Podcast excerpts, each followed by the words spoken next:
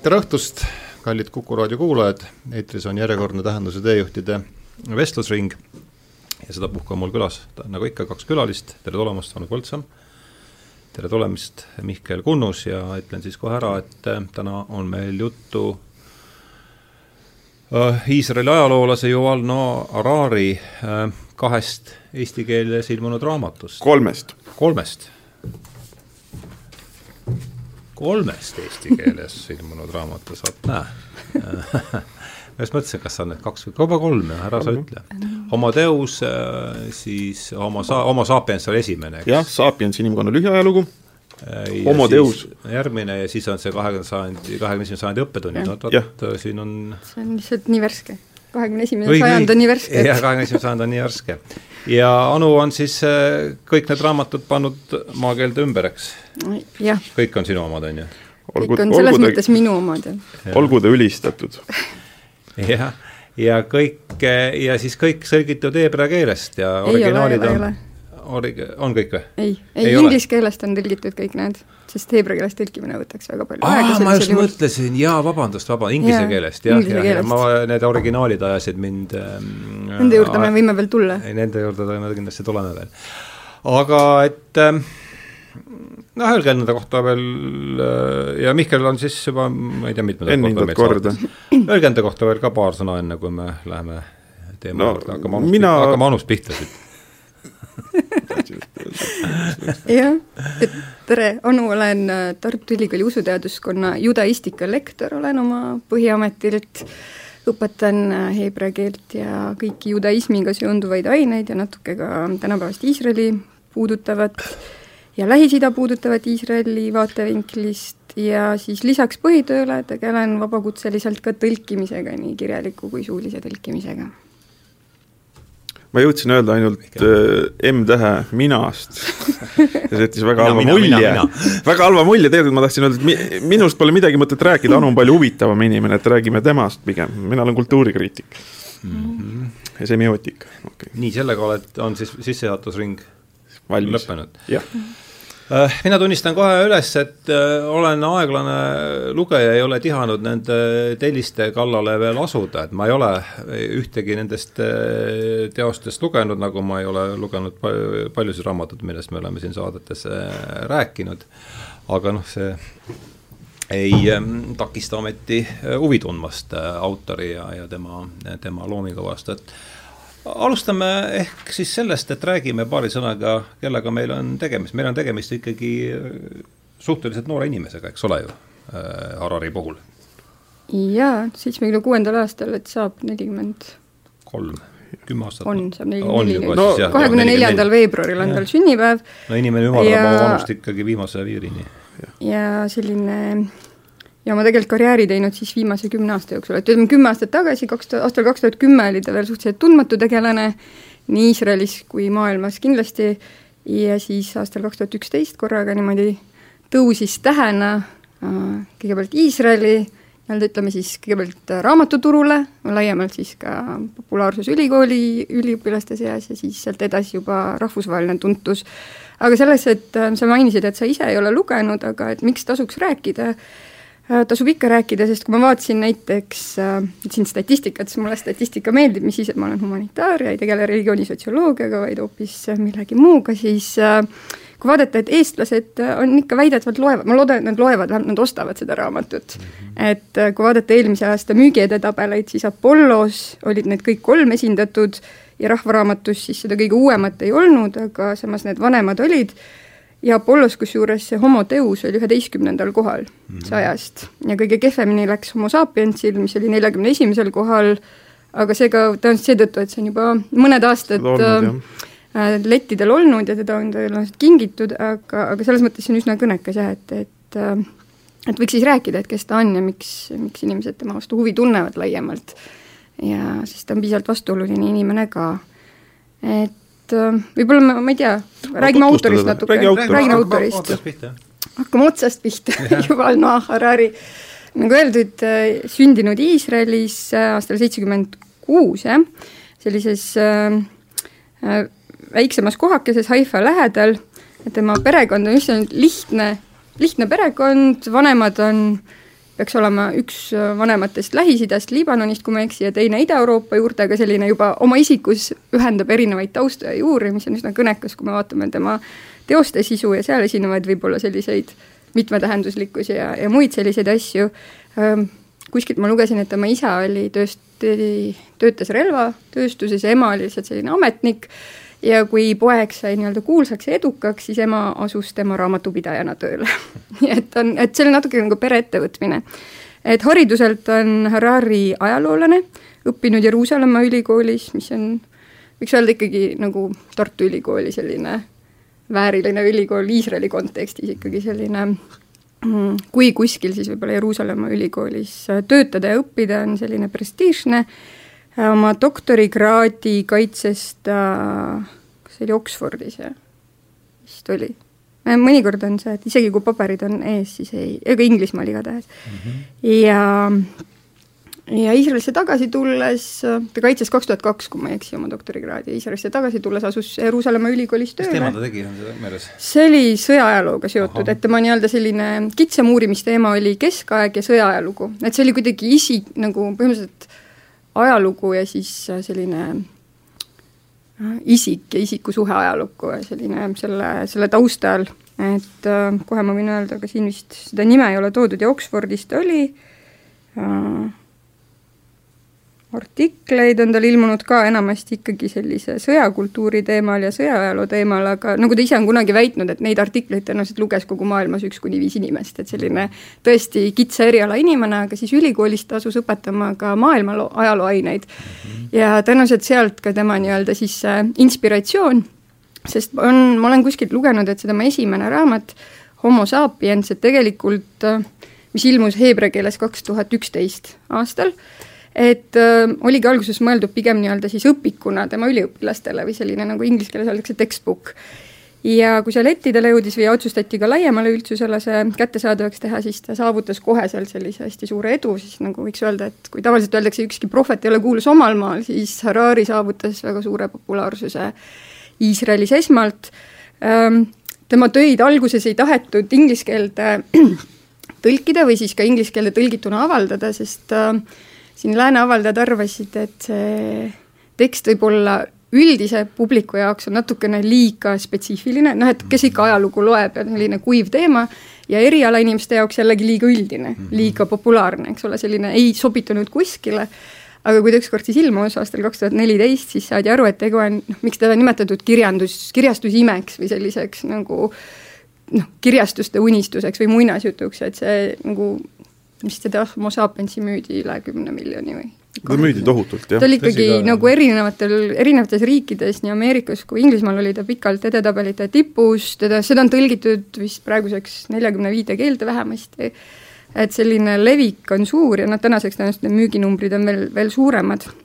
aga selle taga tegelikult, et see jõudis nii kaugele, on tema elukaaslane vabandust, mitte elukaaslane, ta, ta väga abikaasa. pahandaks, pahandaks, abikaasa, just, ta pahandaks selle peale, et äh, Itsik, Itsik äh,, kuidas Itsiku perekonnanimi meil oli?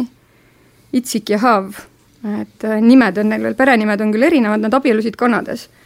Nad on mõlemad äh, mehed, sellepärast. tegu on siis ja, jah. Itsik on mehe või naise nimi? mehe nimi, et äh, Itsik äh, um, Yuval Harari on siis äh, homoseksuaalne inimene ja täiesti kuidagi ei varja seda, vaid pigem just teeb kõike seda selleks, et äh, noh, teadlikkust selles osas suurendada, et ta on ka ise väitnud, et miks, et tema jaoks on see just eelis olnud, et see pani teda üldse uurima nii-öelda ajalugu, kultuuri, käsitlusi sellest, tegelema juudi taustaga, juudi religiooniga, uurima, et miks on siis homoseksuaalidesse ühel või teisel moel suhtutud ja kas see vastab tõele ja kui tema arvates ei vasta tõele, siis see näitab veel kord, kuidas igasugused sotsiaalsed fiktsioonid mõjutavad inimeste elu ja nii edasi ja nii edasi, et sealt võib olla ka tema kriitilisus religiooni suhtes, sest ta ise on mittereligioosne inimene, et ka tema vanemad olid ilmalikud juudid, et kui me juutidest räägime, et tegu on juudiga, aga siis nii-öelda ilmaliku juudiga.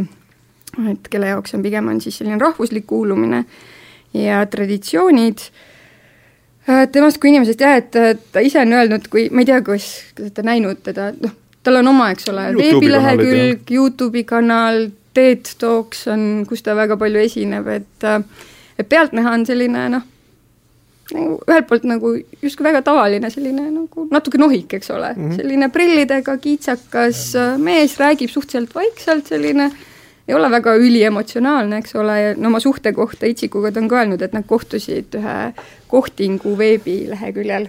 Ja et see ei olnud üldse selline armumine esimest silmapilgust, vaid selline mõistuslik otsus, et tundub, et sobime, kolime kokku, abiellume. Ja, ja siiani on toiminud, sest Itsik on äh, Juvali mänedžer ja Itsiku teene on siis see, et ta suutis siis ähm, äh, Inglise ja USA kirjastajatele ette sööta selle mõtte, et see raamat võiks ikkagi ilmuda ka ingliskeelsena ja see tal ka õnnestus, nii et et nad koos ren-, reisivad, Itsik ajab siis äriasju, nii palju kui mina ükskord üritasin äh, autoriga ühendust võtta, et uurida, et kui ma Iisraelis olen, et äkki oleks võimalik kohtuda ja nii edasi, siis vastas või suhtles minuga just Itsik ja ütles, et Harari ei ole hetkel kättesaadav, sest ta on äh, Vipassana laagris, ehk siis see on ka teine asi, mis on Harari kohta tuntud, et ühelt poolt siis selline noh, mis ta isikuna teeb huvitavaks ja mitte nii-öelda tavaliseks akadeemikuks, kui teda pealtnäha on nohik, ühelt poolt, et tegu on äh, geiga, tegu on veganiga, väga põhimõttelise veganiga ja siis äh, Vipassana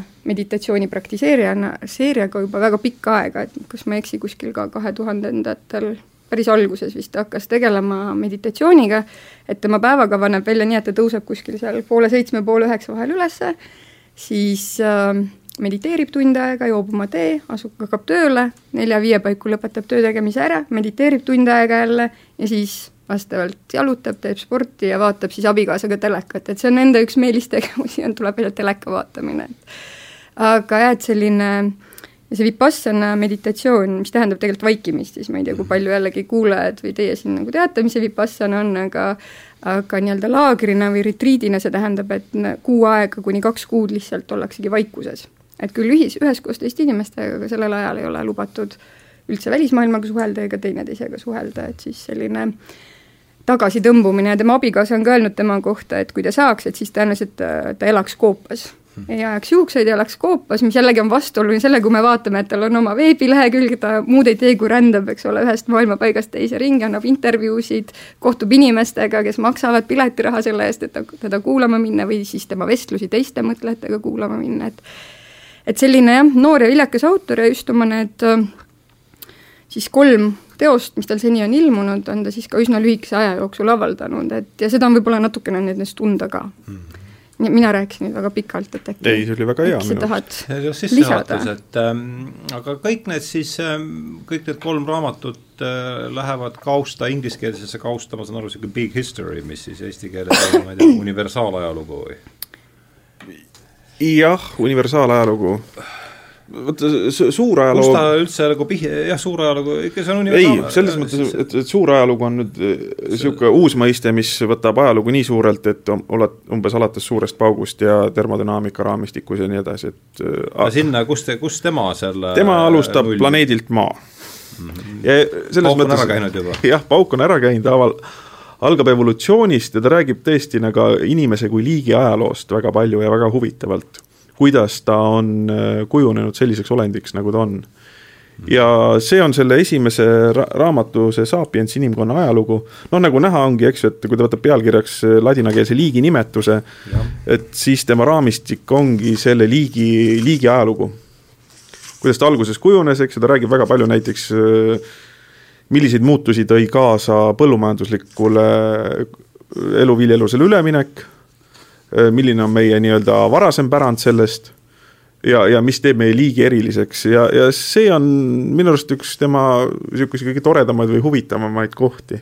või, või noh, see, see on see osa, mida ma soovitaks inimestel lugeda, see on, see on tõesti huvitav äh,, hästi kirjutatud äh, ja, ja ka asjalik. Et see on ka, ja see, see on ühtlasi kõige kainem, eks ju, me saame aru, et kui läheb äh, asi tulevikku, siis äh, noh, tulevik on niikuinii spekuleerimine ja kahtlane, eks ju, seal läheb fantaasiamaailma, seal muutub asi märksa kaheldavamaks, aga inimkonna liigist ja inimkonnast annab ta tõesti väga, väga hea ülevaate. ja, ja, ja, ja siin on, siin on tema ilmalikkuse tugevus, ma ütleks see ka. siis see, terve see raamat? Homo Deus on tulevikust. aa, vabandust, jaa, see Homo Deus on see on see Sapiens, inimkonna lühiajalugu. see on kõige müüdum ka. noh, see on näiteks jälle Bill Gates soovitas seda ja siis ta on väga mõjukas, Bill Gates mm.. selles mõttes siis kõik kooliõpilased ostavad ja ja tõesti hea mm -hmm. ja avardab vaatenurka ja, ja see näiteks, et mis mulle on väga sümpaatne on see, et noh, ütleb, et mis teeb inimese nii eriliseks, noh, see on ju niisugune jälle, võiks öelda teoloogiline küsimus, mis see on, see säde või loovus või, või mis asi.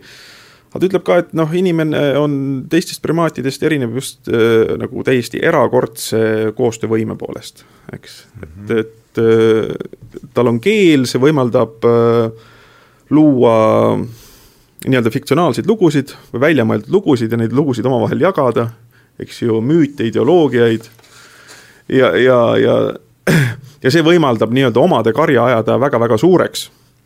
erinevalt näiteks, eks ju, šimpansitest, kes peavad enam-vähem nii-öelda konkreetse indiviidi äratundmise lõhna järgi. ja see, see, see on kuskil seal noh, jääb saja, saja suurusjärku, eks ju aga inimene saab omade karja ajada just tänu ühele niisugusele omapärasele omadusele, milleks on keelevõime, võime luua väljamõeldud maailmu inimene saab anda, ajada oma karja väga suureks, aga, äh, ja, vot siin on ka see koht, äh, kus ta võib-olla läheb liiale, kus noh, siit, siit on tema religioonivaenulikkus, kus ta ütleb, eks ju, et ta väga järjepidevalt lõhutab, eks ju, need kõik on lihtsalt väljamõeldud lood, eks ju, kõik need on väljamõeldud lood, et need nagu hõljuvad meie kohal ja ja, ja, ja siin ta üritab nagu neid kõiki õõnestada ja Toomas Paul on ka tema kohta öelnud, aga mis on tema raamat ise siis, eks ju, ju ka mitte üks väljamõeldud lugu mm, -hmm. et noh, see on ju täiesti ad adekvaatne aru, arusaam, et ta nii-öelda kaabib ka endal lõpus pinna jalge alt selle, selle looga. aga noh, enne, enesele jätab, jätab sellise, sellise vaba koha, aga jah, selles mõttes, et see on kindlasti raamat, mida ma soovitaks lugeda, hoolimata kriitikast, mida me kindlasti hakkame nüüd tegema mm. -hmm. et see on, see on hea raamat ja tegelikult on lihtsalt loetav Ja, see peab olema ladusalt loetav. on ja, ja et siin ei, siin ei ole mingit niisugust äh, keerulist mõist-, mõisteeritlust või, või filosofeerimist või metafüüsikat, et ta on tõesti lihtsalt loetav. sa oled nad kõik läbi lugenud? jaa sest et, ei ma lihtsalt mõtlesin ka, et, et kas universaalajalooline, et kas seda nii saaks nagu öelda või mitte, noh et ta on, ta on luge-, ta on jaa, ta on loovestja, selles mõttes ta räägib on? lugudest, aga ta vestab ise ka lugu ja, ja ajaloo puhul ka, et mis teeb ajaloost ajaloo, on näited sest no me mingid, mille najal me näitame või mingid sündmused või mingisugused asjad, eks ole, ükskõik, kuidas me neid tõlgendame, ja tema nii-öelda selle teoste see eelis on ka, et ta võtab need ajaloolised sündmused ja kuidagi üritab neist siis nii-öelda nüüd omavahel siduda või et just sinna on sisse pikitud väga palju selliseid konkreetseid näiteid või huvitavaid tõiku, mis teevad selle lugemisega selliseks nagu mahlakamaks, sest tema nii-öelda see stiil on tõesti väga meeldiv, et ka universaalajaloolane, ütleme noh, ma ei tea, mida keegi mõistab selle mõiste all, eks mhm. ole, aga kui ma mõtlen sellest, et ta vaatab. vist selle big history äh, kõige lähem eestikeelne vaste. Big data, suurandmed et, et aga lihtsalt laias mõttes see, et ta nagu alustab, eks ole, oma homo sapiensiga alustab inimkonna lühiajaloost, eks ole, kuigi ta keskendub seal suuresti ikkagi nagu, mul jääb mulje, et seal taustal on ikkagi see lääne no et see, see ei ole kõikehõlmav, kindlasti see ei ole kõikehõlmav ja see ei ole ka selle eesmärk, vaid ta näitab pigem neid just nimelt neid, mis teeb inimesest inimese et kust, kuidas me oleme siia jõudnud, kus me oleme, siis sealt edasi ta võtab homo deuses ette selle, et okei okay,, et kuhu me oleme jõudnud, aga nagu kuhu me siis teel oleme, et selleks, et nagu mingeid otsuseid teha, meil peab olema mingi nägemus, kuhu me läge-, läheme, eks ole, mingi lugu ka tuleviku kohta.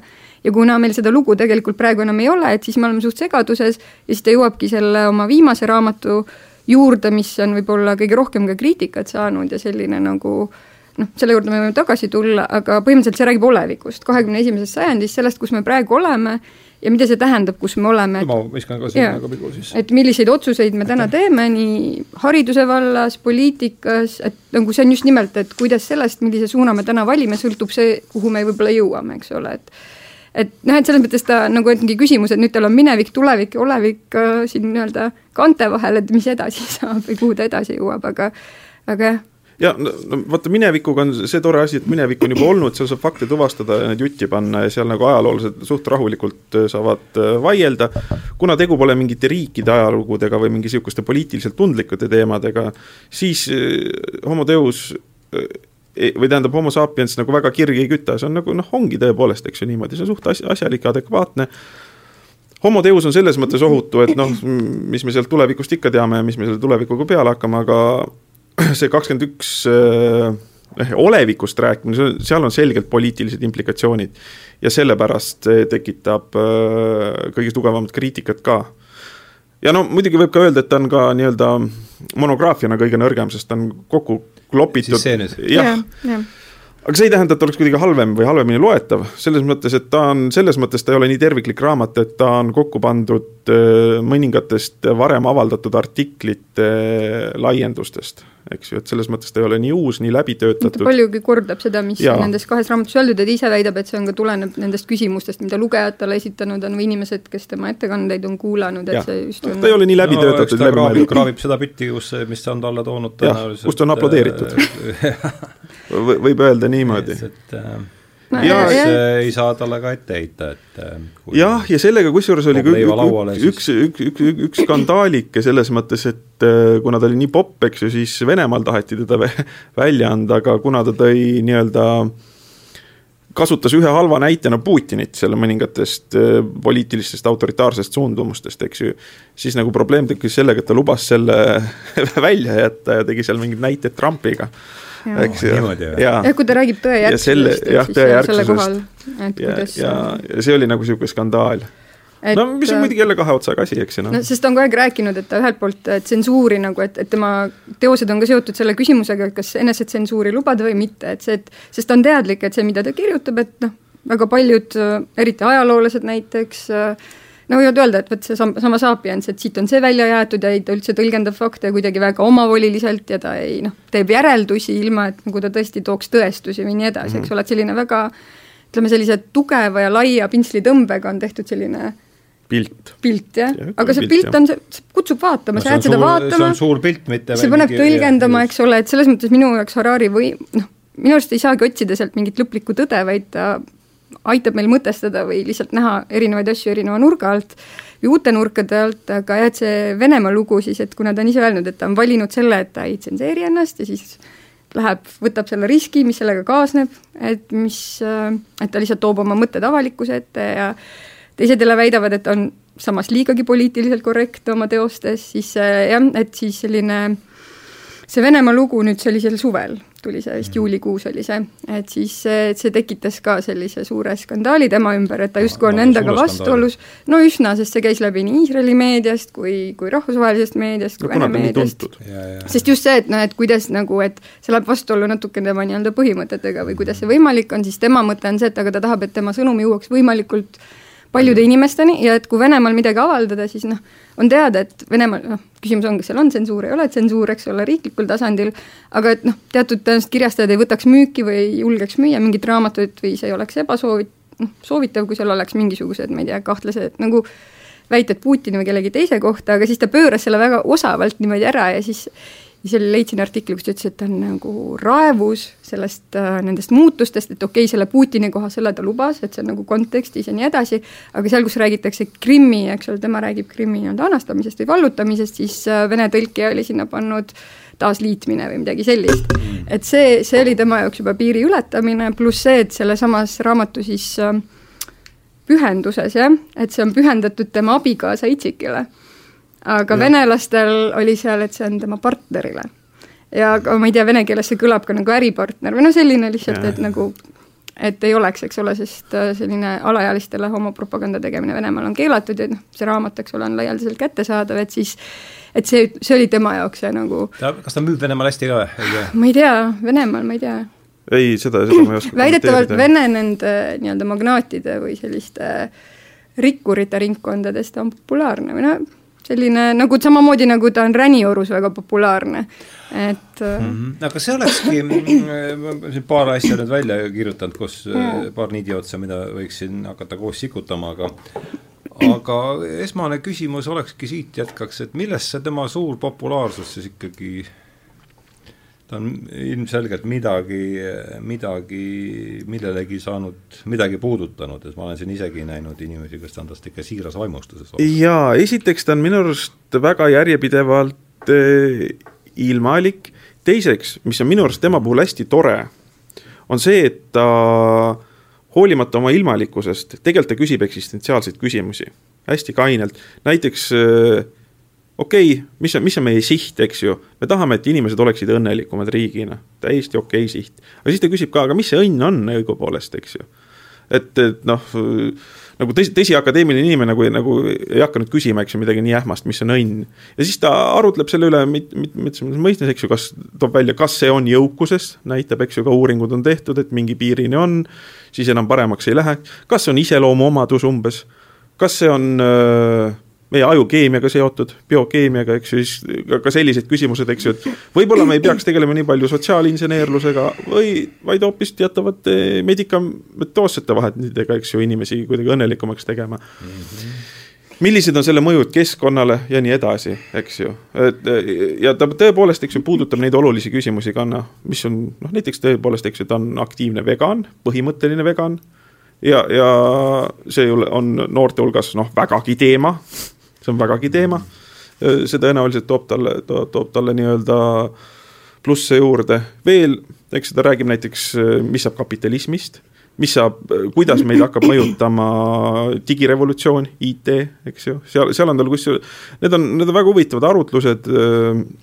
selles mõttes ta ütleb ka, et noh, et noh, võrdlus kommunismiga, et kui kommunismi ajal oli see, et töölisi ekspluateeriti, neid läks vaja eks ju, siis IT-revolutsiooni tagajärjel töölised jäävad üle. et see on hoopis teine, teistmoodi ütleme siis sotsiaalse õnnetuse vorm, see, et inimesi massiliselt ei lähe järsku vaja. tekib kasutute inimeste klass. kasutute inimeste klass, mitte ekspluateeritute, vaid kasutute, et see, ja see on mingis mõttes palju hullem, eks ju, ja mis nendega teha saab et ta, ta puudutab ka neid hirme, mis on tänapäeval aktuaalsed, ütleme selles mõttes -hmm. sotsiaalsed ja eksistentsiaalsed. eksistentsiaalne mõõde. jah ja., sest et noh, et, et on populaarne, eks ole, teda on nii-öelda positiivselt on nimetatud kahekümne esimese sajandi prohvetiks, popintellektuaaliks, kultusfilosoofiks, guruks, ma ei tea, milleks iganes, muidugi kriitikud ütlevad, ta on pseudointellektuaal ja, ja liberaal ja reduktsionist ja skeptik ja noh, sest see noh, ta on, ta on, selles mõttes ta on väga realist, ta on skeptik, ta on, ta ütleb ka, et olemine ongi, see on nagu puht bioloogiline, see, et me oleme liigina, me oleme lihtsalt liik, meil on vedanud, et meil on tekkinud keel, võime kujut-, kujutleda asju ette, koostööd teha, aga nagu samas, et enne meid on olnud aru, rohkelt äh, liike, pärast meid tuleb võib-olla liike, millest me veel ei tea midagi, et noh, me oleme lihtsalt liik. aga liigina, et kui me tahame säilida või noh, et me tahame säilitada seda, kes me oleme, et noh, kuidas seda teha, eks ole, või mõtestada, et ma ei ütleks, et ta on õpetlane, et aga küll ta on, ta on mõtleja. selles mõttes ta on mõtleja, kes ärgitab mõtlema ja mõtleb natukene meie eest, andes meile võimaluse siis kas talle vastata, reageerida, mitte nõustuda, aga selles mõttes ma tahaksin, kui tohib, ma loeksin sellest samast kahekümne esimese sajandi õppetundidest, minu arust see, mida ta teeb tegelikult või miks ta põhjendab või milles siis see köitvus on, et ta ütleb ka, et äh, et noh, meil on infot on praegu nii palju, info ületulv on see, mis tegelikult on tsensuur. mitte see, et me võtame ära infot, vaid noh, me kaotame selle sinna massi sisse ära, selle õige info, eks ole, ja et selge pildi säilitamine on äärmiselt raske tänapäeval. et sageli ei pane me mõnda arutelu tähelegi ega märka selle tähtsaid küsimusi. miljardid meie seast ei saa endale lubada luksust nende teemadega süvitsi tegeleda, sest me ajame palju pakilisemaid asju, peame tööl käima, lapsi kasvatama või vanemate eest hoolt kandma kuid kahjuks ei tee ajalugu kellelegi allahindlust. kui inimkonna tulevik otsustatakse teieta, sest te olete liiga hõivatud laste toitmise ja katmisega, siis ei tähenda see, et teie oma lastega pääseksite nende otsuste tagajärgede eest mm. see on väga ebatõenäoline, aga kes ütles, et ajalugu on õiglane. ja mida tema teeb, siis ta annabki sellise võimaluse, et ka inimesel, kellel on väga kiire ja nii edasi, et üldse et mis see võiks võimalik stsenaarium olla või kuidas me võiks tõlgendada seda, kes on inimene ja sellest lähtuvalt kus me oleme ja noh, isegi kui võib nimetada, et see homoteus näiteks on puhas utoopia, et noh, et ma ei tea, et viiekümne, saja, viiesaja aasta pärast, et nagu maailm on hoopis teistmoodi, et võib küsida, et kas meil üldse ressursse on selleks, selleks ajaks, et selle, selleni jõuda ja nii edasi, aga see ei olegi oluline, vaid oluline, et see ärgitab just nimelt, mida Mihkel ütles, mõtlema eksistentsiaalsete küsimuste üle, sest küsimus on, et kes on inimene ja mis on tema tuum, mis teeb meid õnnelikuks, kas see on näilisus, sest Harari on väga selles mõttes äh, hirmutav tegelane, et ta ütleb, meil ei ole vabat tahet. ja selles ja, mõttes ta on väga ilus, et ta ütleb, et inimesel ei ole vabat tahet ja mis siis, mis, mida see tähendab tegelikult ja tema ei näe seda üldse millegi traagilisena, vaid see ongi see küsimus, et et järelikult minu otsused, et ma olen, pean lihtsalt teadlik olema, kes ma olen sellisel juhul või kuidas minu otsuseid mõjutatakse või mis neid mõjutab ja ma ikkagi teen oma otsused selles mõttes ise aga, aga küsimus on, mis maailma sa nüüd ise teha, sest et mingil hetkel see võidujooks, et kui ma ise ennast ei tunne, et selles mõttes ta on väga antiikne, et tunne iseennast, sest kui sina ennast ei tunne, siis varsti tunneb keegi teine ehk arvutid. arvutid, ähm, tehisintellekti või mis iganes sind palju paremini ja teeb need otsused sinu eest ja hakkab sind põhimõtteliselt kontrollima, sa oledki lihtsalt noh, küsimus jääb, mis inimese funktsioon siis on ja nii edasi, aga selles mõttes, mida ta hiljem, kui ma kohe annan sulle sõna, aga lihtsalt see vaba tahe, siis te- ja siis teadvuse ja mõistuse küsimus, et ühelt poolt me räägime hästi palju tehisintellektist, intellekti uuringutest tänapäeval, eks ole, aga teadusuuringud samamoodi, et mis asi on teadus või teadvuslikkus, eks ole, kui me räägime nii inimestest kui loomadest ja, ja samamoodi, et me ei saa näppu sellele peale panna, et mis on see, mis on see mina teadvus, et seal tem, tema ka ei jõua selleni, eks ole, et et võib öelda, et vaba tahet ei ole, aga mis on see mina ta ütlebki, et, et sama paralleelselt selle nii-öelda intellekti uuringuga ja selle arenguga me peaksime tegelema teadvuse küsimusega samamoodi, sest et see on see põhiküsimus.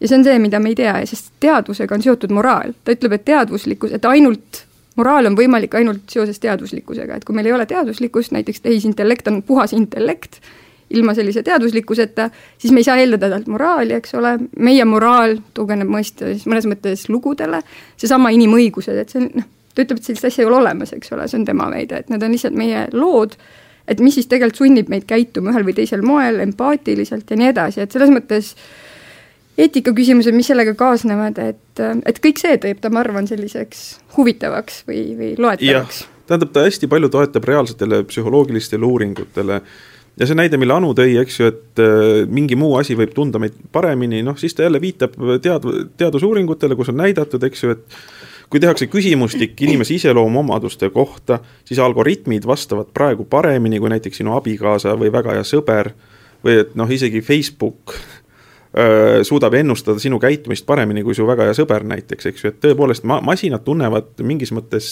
sind paremini, oskavad sind, sinu käitumist paremini ennustada, eks ju, see, mis selles algoritmilises masinas öö, toimib ja mida see tähendab meie eneseteadvuse jaoks ja milline oht võib sinna koonduda Neil on lihtsalt suurem võimekus, ta ütleb, et selleks ja. vaja on sellist bioloogilist, eks ole, nii-öelda mateeriat või antust, siis on vaja, eks ole, just seda, mis seda suudab protsessida ja analüüsida ja kus seda kõike infot säilitada, et inimene ja. lihtsalt ei ole ise võimeline ennast sellisel moel analüüsima ja ta noh, sama näiteks ta toob näite Angelina Jolie'st, et ka tervisega, et humanistlikus maailmavaates, mis meil on seni olnud, või noh, humanismis kui religioonis ja nii edasi, on, eks ole, varem oli reli-, noh, religioosne mõtteviis, jumalad, religioossed mütoloogiad, sealt mindi edasi, et enam ei olnud keskne jumal, vaid inimene ise mm, -hmm. eks ole, see on tüüpiline na-na-na, aga siis selles mõttes me kogu aeg räägime, tee, mis sa tunned, tee, ütle, mis su süda sulle ütleb, eks ole, et ta ütleb, et see on kõik väga õige olnud, sest noh, meil ei olegi, et, et kui sul on valida, kas jumalik autoriteet või sinu süda, vali oma süda loomulikult, sest mm -hmm. sina tead ennast kõige paremini selles mõttes või noh, et sa tead, kuidas sa tunned, aga laiemas mõttes ta ütleb, see ei päde. Et see tunne ongi, et noh, et see, millest see tunne tuleb, et see, millega see seotud on, et ma söön ühte asja, tahan kellegagi abielluda, kas see on mu vaba tahe või see tuleneb üldse minu, eks ole, geneetilisest ajaloost, millest iganes, et see ja, on nagu juba midagi muud. siin võib algoritm anda parema Just. vastuse, et algoritm võib var, siis, valida sulle parema partneri mm. -hmm. ja siis tänu sellele, eks ole, et ka kui ma ei tunne ennast haigena, aga näiteks algoritmi nagu uuringud, minu nii-öelda kas või teen endale, mis need on, lasen oma geene uurida, sain teada, et vot mul on selline geen, mis ütleb, et mul on suur tõenäosus jääda rinnavähki, näiteks nagu Angelina Jolie puhul oli, tal oli mingi geenimutatsioon, mis ütles et, et kaheksakümmend kolm protsenti on tõenäosus, et ta haigestub rinnavähki, mistõttu ta lasi siis mõlemad rinnad eemaldada ennast ennetavalt. ilma, et oleks ja. ennast tundnud kuidagi halvasti, aga lihtsalt, et vältida seda riski, ta uskus, et teadus näitab, et nii on see võimalik, suur tõenäosus on, eks ole, kaheksakümmend kolm protsenti on ikkagi väga suur tõenäosus aga see on jällegi, et kust tulevad andmed, eks ole, et, et see ongi see, et milline võim on andmetel meie üle ja kui palju me ise anname neile seda võimu, sest ta ütleb no, ka, et andmetel ilma loota oleks Vähe, äh, milline võim on jätkuv, ma ütleks ikka, milline, milline võim on lugudel meie üle, sest mm. aga kuidas neid lugusid ka meile ette söödetakse, et see on seesama, mida ta hoiatab, et see, mis sa tasuta saad, et selle eest sa maksad väga kõrget hinda, et kõik meie need sotsiaalmeediakontod e, emailid, eks ole, et need on meile tasuta kättesaadavad, aga me oleme sellega andnud ligipääsu Tükki meid puudutavale infole, eks ole, mille alusel on võimalik meid profileerida ja hakata meile ette söötma mitte lihtsalt väärinformatsiooni, mitte kõigile ühtmoodi, me ei jutusta kõigile ühte lugu, vaid igaüks saab täpselt talle nii-öelda rätsepa ülikonnale tehtud loo, mis paneb teda käituma ühel või teisel moel. vot ük-, üks asi, mis mulle väga Harari puhul meeldib, kus ta saab väga, väga hea plusspunkti minu arust nii-öelda filosoofilises mõttes, on see, et ta saab aru, et teadvus ja intellekt äh, ei pea üldse koos käima. ta saab aru, et arvuti ei ole teadvusel, aga tal on nii teatud arvutusvõimsus, eks ju, ta nii, tõepoolest me saame teha teadvuset, teadvuseta intellekti arvutis, eks ju. mis ületab noh, kuna, kuna, kui me võtame, et intellekt on teatav nii-öelda instrumentaalne funktsioon ja see, see on üks asi, mida masin saab teha järjekordselt paremini kui me ise. eks ju, see, et me oleme suure osa lihastööst asendanud masinaga, et tegelikult meie ajus on samamoodi väga palju nii-öelda niisugust mehaanilist, instrumentaalset, kognitiivseid protsesse, no lihtne näide on ka taskuarvuti, eks ju. me teame, et meil on endal peast arvutusvõime, lihtsalt taskuarvuti teeb seda väga palju paremini. ja nüüd lihtsalt seda metafoori saab edasi arendada. eks ju, ka, ka loovuse puhul näiteks ta toob seal näiteid, äh, kuidas muusikapalasid komponeerivad äh, teatud algoritmid paremini kuidas sellega on tehtud katseid, näiteks kas inimesed tunnevad ära, mis on masina loodud, mis mitte, kas seal on see salapärane hingestatus ja tõepoolest ei tunta aga see, et ta saab ka aru, et eks ju see teadvus, see mina, minasus-teadvus, eks ju, et see on inimesele unikaalne, et ta seda ei omista arvutile, et ta pole üks neist, kes arvab, et järsku hakkab et teeme liiga vinge protsessori, siis enne tekib teadvus, kes hakkab äh, kuidagi pahurdama või inimeste, inimkonnaga manipuleerima, et, et, et selles mõttes ta saab plusspunkti minu arust.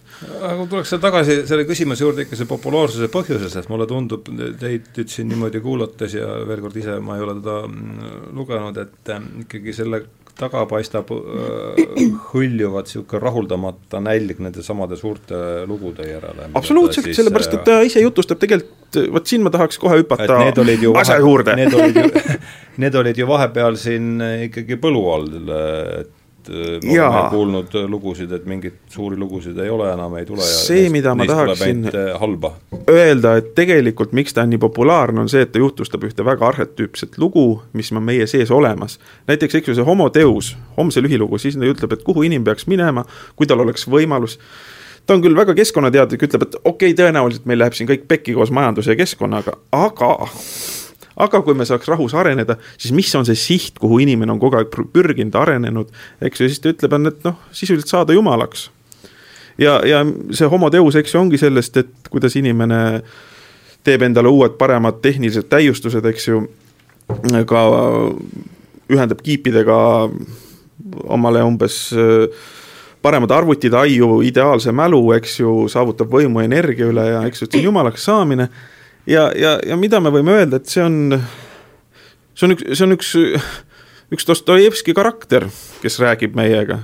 see, kes ütles, et minu arust peaks olema iseenesestmõistetav, et kui Jumalat ei ole, siis on inimene jumal ja saab selleks ja peab pürgima, eks ju. et, et selle psühholoogilise mustri ja Kirillov siis järsku on see veel, veel vist või?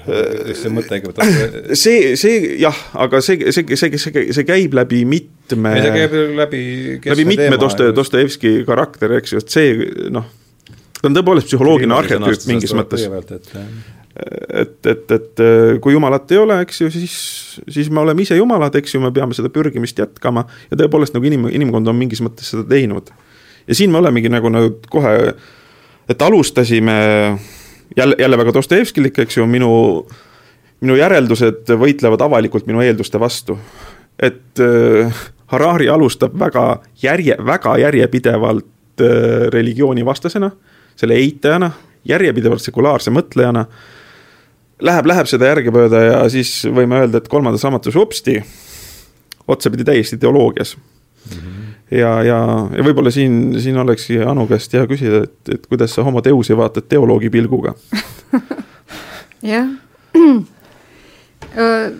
võib-olla isegi religiooniuurija pilguga rohkem ja. kui teoloogi pilguga, sest äh, teoloogiline pilk hõlmab sellist natukene natuke teist lähtealust võib-olla, et ma ei julgeks ennast päris teoloogiks nimetada.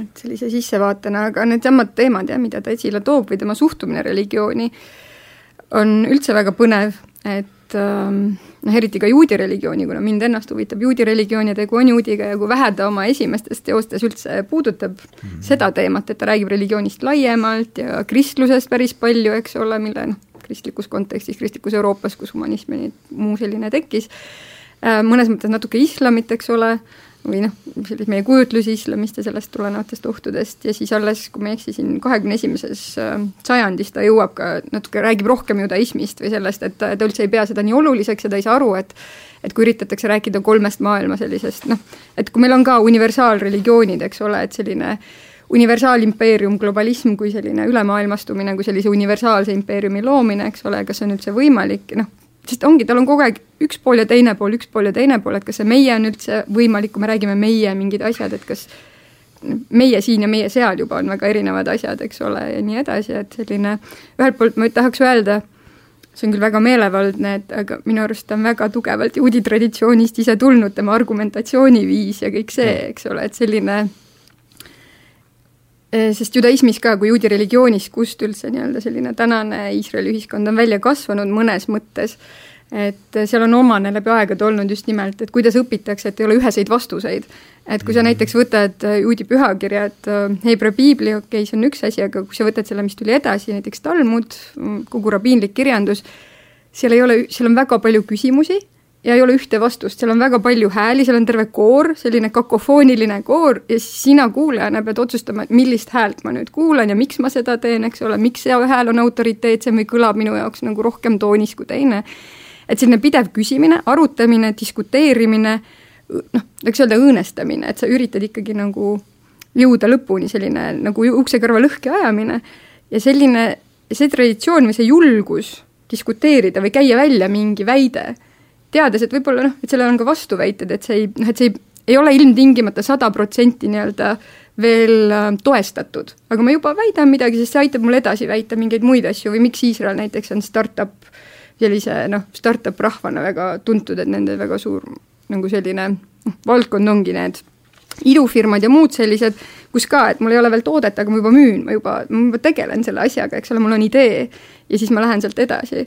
et selline natukene selline arrogants võib-olla, mis minu jaoks võib-olla Eesti lugejale teeb Harari huvitavaks, on just see, et me ei ole harjunud sellise stiiliga.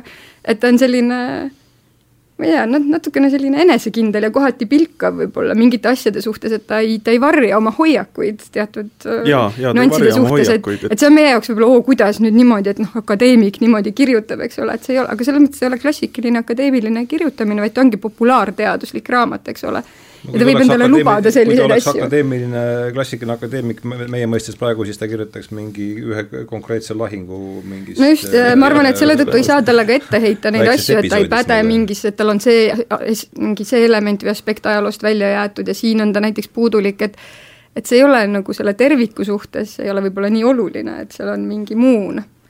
just see, mida sa ütlesid, et ta räägib mingitest noh, sellest, et ja ta, ta, ta teeb ka tihti niisuguseid väga vahvaid äh, mõtteeksperimente, mis on, mis on esmapilgul ehmatavad, eks ju, võib-olla isegi naeruväärsed, aga siis, kui me hakkame mõtlema, et aga kuida-, kui me tahaks selle väitega nüüd tõsiselt vaielda, et kuidas see vaidlemine välja käi-, käiks või, või mis, mis see, mis seal õigupoolest siis valet on või ja siis me peame tunnistama, et see on nagu me, meie väga sügav harjumatus mitte niimoodi mõelda.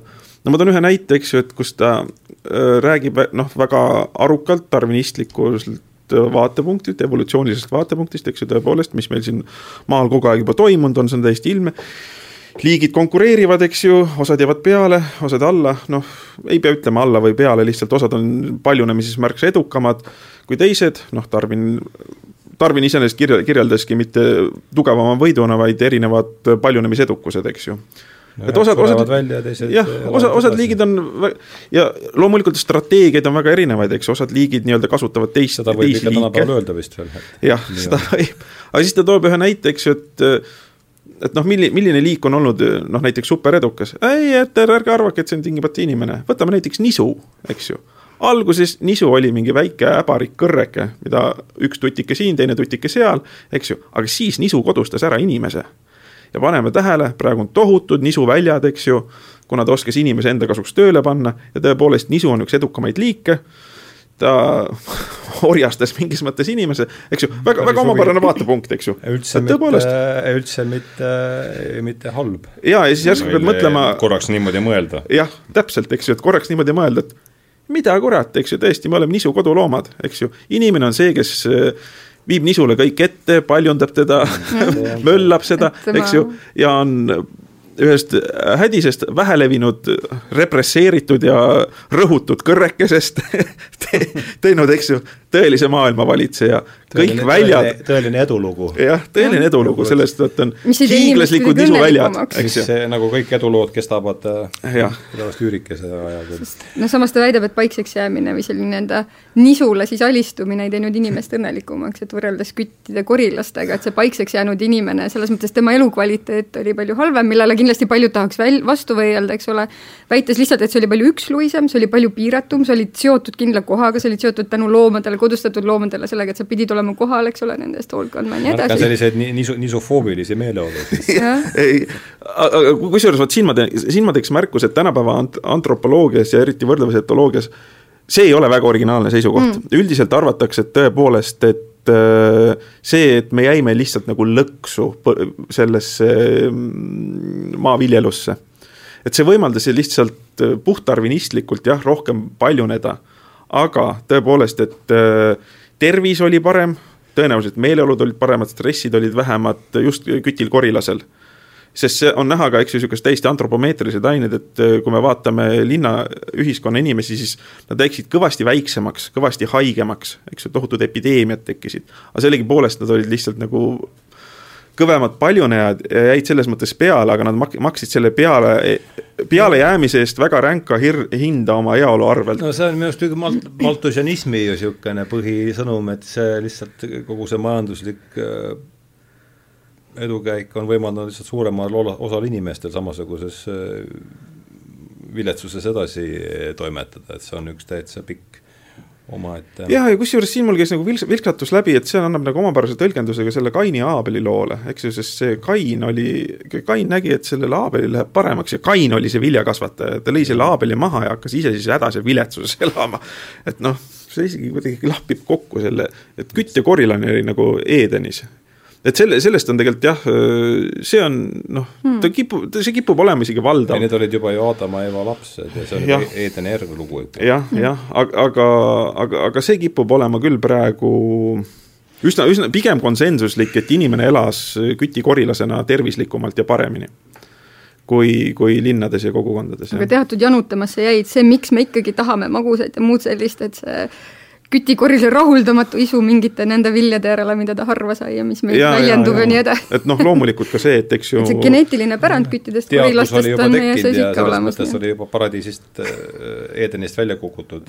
jah, jah. õuna oli juba niimoodi õuna oli juba, juba, juba, juba pistetud, jah. aga kena, vabandust. ja ei, ma tahtsin, mõtlesingi, et kui, et kui vaadata üldse, keda on nimetatud Harari mõjutajate, mõjutajatena, et siis need on aa, see on huvitav, jah et äh, on ära toodud Jared Diamond, kes on mm, -hmm. kellega ta on ka üks vestlus, kus nad koos esinesid, kui ma ei eksi, et äh, on, kes on geograaf, ajaloolane ja antropoloog, eks ole, just, just evolutsiooni nii-öelda poole pealt, selline bioloogiline ajalugu, et mitte ajalugu, et see on, ütleme ka inimkonna ajalugu, aga seal väga keskne on see inimene kui bioloogiline liik, eks ja, ole, et selle liigi ajalugu.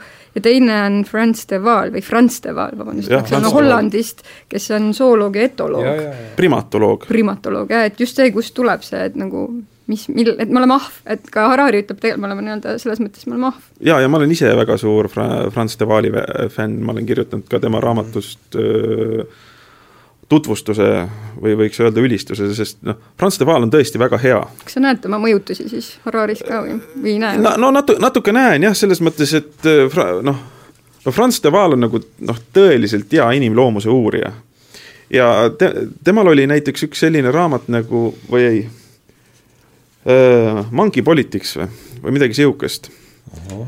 ja, ja siis tema, temaga juhtus see huvitav asi, et äh, ta oli iseenesest küllalt sihuke hipi, hipi ja sihuke ja siis ta läks äh, šimpanseid vaatama ja vaatas, vaatas, ta vaatas, jälgis neid hästi kaua, tal oli sihuke õnnelik juhus, et no sealt on ta ka öelnud, et noh, kui sa tahad mingi liigi kohta midagi öelda, siis vahi neid vähemalt kümme tuhat tundi, eks ju. ja siis ja siis ta uuris neid šimpansi kogukonda, vaatas seal võimusuhted, kuidas hierarhiad käivad, nägi, et eks ju seal kavaldavad, trumpavad, intrigeerivad. ja siis ta sai aru, et eh, vaatas, vaatas siis, šimpansite kirjeldamiseks on kõige parem Machiavelli eks ju. tundus niimoodi, siis ta kirjutaski nendest äh, äh, selle ahvide poliitika ja üks kongressman vist isegi pani selle USA-s nii-öelda kongressmanide soovituslikku nimekirja, sest ta tõepoolest toimib nii ja et inimesed käituvad poliitikas samamoodi nagu šimpansid. et see on täi-, täiesti nagu selle taseme asi ja siis noh, noh, vasakutopismiga läks tal kohe nagu asi käest ära, sest ta ütles, et ta vaatas oma kaaslasi hipisid küll, eks ju, kes samamoodi räägivad üldisest vendlusest ja rahust, aga neil ei ole, nad silmagi pilgutamata löövad sõbra pruudi üle umbes niimoodi, tahavad olla võimalikult alfad ja noh, et käituvad ka ahvid, et tähendab tema jaoks šimpansid ja inimkäitumised, need muutusid nii, nii sarnaseks ja, ja lihtsalt, et kuna ta vaatas neid šimpanseid nii palju, ühesõnaga, konkreetseid kogukondasid, et ta hakkas eristama neis isik, isiksusi. eks ju, nägi, et ühel šimpansil on üks iseloomujoon, teine selline isiksus ja noh, e, sellel selline isiksus, eks ju, kuidas nad intrigeerivad, mida mäletavad, millised on nende sotsiaalsed suhted ja ta hakkas neis nägema inimesi, eks ju. see, see sugulus tuli tal seal hästi teravalt välja mm. -hmm ja, ja noh, muidugi see, see on ka Franz de Waali puhul ütleb ka, et, et enamik tänapäeva sotsioloogia, filosoofe on neokreatsionistid, nagu ta ütleb. ja neokreatsionismi määratleb ta siis niimoodi, see on uskumus, et see evolu-, de Waali de Waali väljend, jah ja Ehm, nagu ma olen öelnud, sihtsõimamiseks loodud väljend ja see tähendab, see tähendab uskumist, et evolutsioon lõppes inimaju ju ees, eks ju. et inimaju tuli sinna tšah, kuidagi peale, mingi imelik mm. asi, aga tema ütleb, näeb ka, et eks ta on nii teadvus kui kõik emotsioonid, et need on evolutsiooniliselt pidevalt arenenud, eks ju. et ei ole mingit niisugust hüpet olnud ja vot see on ka jah ähm,, Hararil nii-öelda olemas. jah, kreatsionism või siis pigem see devaalilik hoiak? Noh, ei, ta, äh, neokreatsionistlik element on Hararil küll, selles, selles mõttes, et ta pole väga, väga hea Devaali õpilane. mul on ka nii vä-, selle vähese põhjal, mis ma kuulnud olen. jah, ta, ta nii hea õpilane ei ole, aga, aga ta, ta on siiski küllalt hea õpilane jah, näit-, näiteks ta on ilusti selle üle, üle võtnud, eks ju, et äh, noh, ta, ta näeb sugulust teiste liikidega. ta saab aru, et tema jaoks, ta ei ole kartesiaan kuidagi. et ei ole niimoodi, et kõik loomad on mingid mehaanilised masinad, kuhu siis inimesel on järsku, järsku vupsti teadvus tulnud, ta saab aru, et eks ju, teadvus on teistel liikidel noh, teistsugune lihtsalt see on teistsugune, eks ju, nende emotsioonid. asi ise on pidev. jah, selles mõttes, et noh Simp-, no me võime hästi niisugust rohmakat metafoori kasutada, et šimpansi teadvus ja emotsioonid on samavõrd inimsarnased, nagu meie kehad on sarnased, eks ju. Nad on küllalt sarnased, aga samas ikka küllaltki erinevad, eks. Et, et selles mõttes. aga see, et noh, šimpansid eh, leinavad, neil on kiindumus ja nii edasi, no sellepärast on ka ta vegan, eks ju, sest ta teab, et noh, näiteks kas või piima tootmisel öö, lehmadest öö, no vasikad kohe, eks ju, võetakse ära.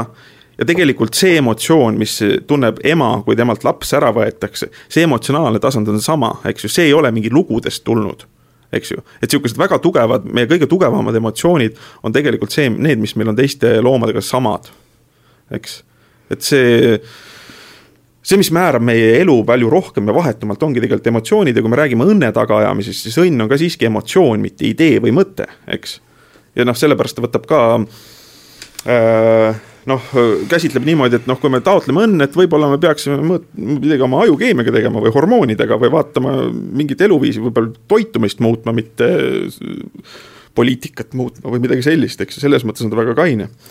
Et selle vist selle teadvuse nii-öelda erinevuste või jah, et see on ühelt poolt noh, et ta ütleb, et noh, tundub, et ta esindab seda ikkagi, et loomad on teaduslikud olendid, eks ole, ja nii edasi, et ta toob sellesama, et, et see, et meil on nagu arrogantsi lihtsalt neid kohelda justkui neil ei oleks või nagu noh, et no see just, kuidas loomade õigused on tema jaoks selline oluline aspekt, tuleb samamoodi, et kui tuleb näiteks siis kas äh, homoteus või siis sealt veel edasi, eks ole, midagi, mis ei ole üldse homo, vaid ongi nii-öelda tehisintellekt, eks ole, mis ei ole noh, inimene, eks ole, see et see võib hakata inimest samamoodi käituma. et me võime ise muutuda nii-öelda loomadeks kellegi järgmise nii-öelda selle arengu, et noh, see ongi, evolutsioon, see on areng, arenguetapi jaoks, et me oleme lihtsalt mingi üks etapp selles pikas jodus ja me ei saa öelda, et nagu ühel päeval nagu noh, nüüd nisu rolli me ei muutu, ja täpselt, nisu rolli võtab üle keegi. et, et see, kui sa ennem küsisid selle noh, oma tõuse kohta ka ja religiooni poole pealt, et see samamoodi, et ta on nagu väitnud, et religiooni, et et midagi ei lõpeta ära või nagu ei hävita religiooni, vaid pigem üks religioon asendub teisega, et see samamoodi, et noh, tema jaoks ka selline humanism või, või liberaalne maailmavaade on justkui nagu religioon, et seal on mingid noh, religioonile omased et noh, see on ka, et inimesed usuvad mingit üht ja, ideed, eks ole, seal ümber on institutsioon, selle võimu kandjad, eks ole, et noh, selles mõttes, mis teeb religiooni religiooniks, et selle üle noh, võib vaielda, et mis see peab siis see lisaefekt olema, ja ta ütleb ka, et näiteks selles infotehnoloogia maailmas, et noh, tema räägib dataismist ehk andmereli-, inforeligioonist, andmereligioonist, et see on samamoodi, et kus inimesed nagu noh, hakkavadki uskuma andmeid või mi-, või sellist, mitte andmeid, uskuma andmeid, kõlab nagu liiga totakalt, aga aga sisuliselt jah, et on nii-öelda andmereligioon, mis lihtsalt asendab võib-olla senise, et, et see ei tähenda, et religioon kuskile ära ei kao, aga ta ütleb, et need nii-öelda vanad või sellised traditsioonilised religioonid, mida me tavaliselt ette kujutame, kui ma ütlen sõna religioon, siis ma alati kipume pigem eelkõige mõtlema nendele kolmele monoteistlikule religioonile, eks ole, noh kuigi religioone on veel ja veel mida ta ka toob välja, eks ole, nii budismi kui, kui teisi sealjuures, aga et ta ütleb, et just nende monoteistlike religioonide probleem on selles, et nad ei suuda tänapäeva küsimustele vastata et nad ei paku lahendusi ja see on nende Jaa, kõige on suurem, suurem nii-öelda nõrkus, et see uus aeg ja need uued arengud ja eriti just teaduse areng, tehnoloogia, biotehnoloogia, infotehnoloogia areng ja nende hübriid, eelkõige just info- ja biotehnoloogia, eks ole, kooslus, mis võib tekitada siis sellise uue homoteuse, kes on niivõrd nii-öelda parendatud, et ta suudab äh, meditsiiniliselt ennast võib-olla elus hoida, et ta ei ole küll surematu, aga ta on nii-öelda no nagu see palju juppe saab vahetada. nagu see millimallikas või see meduus, kes elab meil, see üks liik, kes ka ennast nii-öelda lapib kogu aeg. tsükkel käib, ta, ei ta on nagu selles mõttes, jõuab viljakas ikka, siis ta läheb jälle tagasi amöö sinna selle kõige väiksemasse, noh, ta ei sure ära, vaid ta niimoodi pendeldab, pendeldab kogu aeg edasi-tagasi, et ta on küll surelik, et kui näiteks keegi ta ära sööb või nagu ta haigeks jääb, siis ta sureb ära, aga põhimõtteliselt kui ei sekku mingi väline jõud, et siis ta põhimõtteliselt võib eksisteerida, eks ole, niimoodi väga kaua, et see on see nii-öelda, millest noh, mis on inimese nii-öelda surematus, millest ta räägib selles Homo Deuses, et mida me tahame saavutada, eks ole, et see õnn, surematus, tervis, eks ole, milles see seisneb. aga et siis äh, et see kõik kokku käib sinna juurde, mul läks mõte juba lappi. jah, vot see, see, see on minu arust üks, üks nii-öelda originaalne või asjalik, asjalik punkt tema religiooni-kriitikas ongi see, et äh, religioonid on väga vanad lood, eks ju, mis on kohastunud väga erinevate ajaloos inimesega, inimese ees olnud probleemidega. aga esimest korda nii-öelda inimkonna ajaloos on äh, tekkinud äh, radikaalselt uued probleemid tänu tehnoloogiale ja vot see on see põhjus, miks, miks, miks vanad, vanad religioonid, vanad lood jäävad hätta. just see, et tehnoloogia on tekitanud radikaalselt uued situatsioonid. Ja see, ja siin ta nüüd nagu võtabki see niimoodi, et noh, me peame saama täiskasvanuks, eks ju, me peame mm. vaatama, mis nüüd saab, sest asi on selles, et ka noh, inimesel on tekkinud äh, liigilise enesehävituse võimalus, noh, see tekkis ju tegelikult, kui me võtame religioonidega võrreldes, siis ülihiljuti, eks ju, pärast teist maailmasõda alles, noh, tuumasõda jälle, mida, no mis, mis on ikkagi tegelikult praegu ka täiesti aktuaalne probleem. tuuma, tuumasõja oht, eks ju, et et noh, me peame, me peame nagu mingis mõttes täiskasvanuks saama selles mõttes, eks ju, et vanad religioonid ei kata enam ära piisavalt ulatust inimkonna ohusfäärist. on Mingi... väide. nojah ja., võiks nii öelda, jah. kena, aga me oleme siin umbes poole peale jõudnud oma istungiga, et Äh, ma siis teen väikse vahekokkuvõtte sellest, mis ma enda jaoks olen siin kõrva tahale pannud.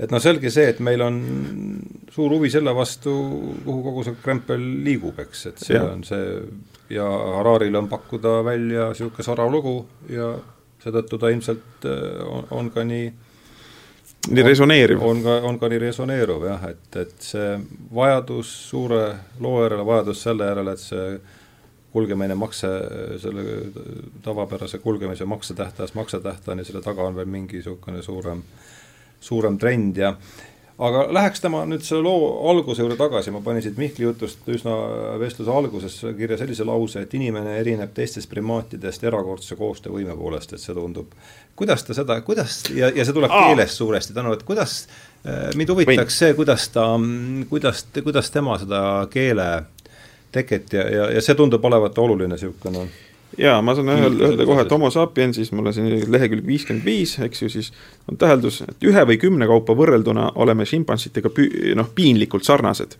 ja see on nagu täiesti devaalilik tähelepanek, eks ju mm. -hmm et niikaua ja, ja seda on uuritud ka, eks ju, ka psühholoogiliselt, organisatsioonikultuuriliselt ja nii edasi. tõepoolest, meie suhted väikses kambas on šimpansitega üliväga sarnased aga mille poolest me šimpansitest erineme, ongi see, et šimpansid, kuna nende kommu-, neil pole sellist kommunikatsioonitehnoloogiat nagu keel, eriti veel pärast noh, kirjakeele tekit, eks ju, kirjakeel, kirjakeele teki oli noh, nagu tõeline kognitiivne revolutsioon, kuna see võimaldas kommunikatsiooniakti nii ajaliselt kui ruumiliselt kandjast eraldada ja seda massiivselt paljundada ehk see on ju tege-, mina võtaks seda, tegelikult no., mina vaataks seda nagu tehisintellekti sünnina ju, sellepärast et mingis, mingis mõttes on. et mis seal selles siis praeguses nüüd jällegi printsipiaalselt nüüd nii väga ja, ja kusjuures siin ma, siin ma teeksin äh, võib, võib-olla viite Jack Goodile. Äh, Jack Goodile? Jack Goodi, jah ah., kellel oli antropoloogia klassikasse kuuluv tekst Metsiku mõtlemise kodustamine see seitsmekümnendatel ilmus seitsekümmend kaks äkki või midagi niimoodi. Good nagu hea või? Goodi, jah, G-ga ja Y lõpus, koodi. Äh, see on eesti keeles ka ilmunud, metsiku mõtlemise kodustamine, sest eks ju kahekümnendal sajandil teadupärast läks äh, see in-, inimeste võrdlemise uurimisega läks asjad väga ruttu hapuks, siis asjad pandi hierarhiasse, et osad on metsikud kultuurid ja barbarid ja teised on tsiviilrahvad.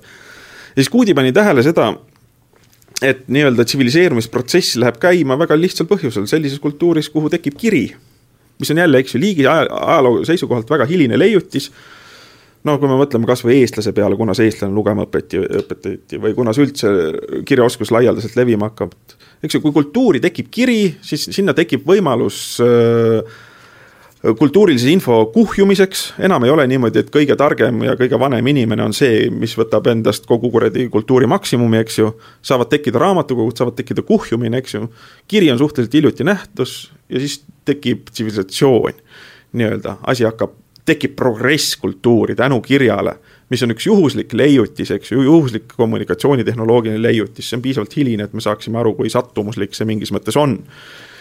Äh, ja siis äh, sellega tekivad näiteks täiesti uued ka massi, massikommunikatiivsed nähtused, massipsühholoogilised nähtused, eks ju. ja siis tõuseb inimene šimpansitest ja teistest märksa suuremaks, talle tekib erakordne koostöövõime. ja seda koostöövõimet veel ekstra võimendavad, eks ju, mingid lood, ühised lood, mida saavad jagada ja, ja nende äh, noh, nende lugude omapäraks ongi see, et see seob väga suured grupid ühte, et siin võiks teha ka Äh, nii-öelda viite Jordan Petersonile. ühised lood oli, on ju ka suulises kultuuris, aga nad on ikkagi väga ne, Neid ei saa nii hullult paljundada, eks ju. sest asi on selles, et äh, kui kultuur on suuline, lood on suulised, eks ju, siis tekib see sünnipäevamängu katkine telefon efekt. kui sa väga kaua kogu aeg suuliselt edasi annad, edasi annad, siis ta lõpus moondub nii palju, et ei tunta ära, et selle sama, sama loona, eks ju. ja siis tekivad, eks ju, erinevad kohalikud murded seal kohe käib see podisemine edasi, murded arenevad omaette keelteks, eks ju, ja siis kunagine nad olid võib-olla ühest kohast pärit, aga nüüd kokku saavad ikkagi löövad üksteist maha, sest üks ütleb öö ja teine ütleb õõ ja noh, on nad oma või võõras, eks ju. jah, saar, saarlased ja hiidlaste vaheline tüli on teadupärast legendaarne, eks ju. et kui toimub see liiga kaua koha peal podisemine, siis noh, just see katkise telefoni efekti tõttu suulised kultuurid ei saa olla homogeenselt väga suured noh, sama, sama, sama kusjuures toimub inglise keelega, eks ju, kas ta ka banaliseerub, kui ta muutub üldiseks keeleks. või tekivad kohalikud dialektid ja mur-, murded niimoodi. aga kiri jah, võimaldas tekitada väga suuri ühtseid jagatuid lugusid. noh, mida me teame ka kahekümnendal sajandil, eks ju, väga suured ideoloogiad. sest noh, rahvaarv oli vahepeal väga palju kasvanud, sealt sai väga suur võim, võimsus taha tulla neile lugudele e, ja ja see on noh, see asi ja muidugi ta, eks ju, De Waalist äh, ja, ja võib-olla ka Konrad Lorentzist või noh, õigemini Konrad Lorentz on niisugune etoloogia klassik, kes, kes oli De Waali õpetaja, mitte õpetaja, vaid noh, selle valdkonna eelkäija, kes ütles ka, eks ju, noh, inimloomust ta uurib tõesti väga palju. ja siis ta paneb näiteks tähele seda, et äh, need liigid, kellel puuduvad nii-öelda letaalsed vahendid, relvad, näiteks pole suuri har-, hambaid, pole suuri küüsi, pole suuri kis-, kihvu nendel on väga tugevad äh, liigikaitselise agressiooni pärssimise mehhanismid, eks ju. näiteks hunt või karu või lõvi, eks ju, liigi sees on alati agressioon, põhiliselt seksuaalse konkurentsi tõttu.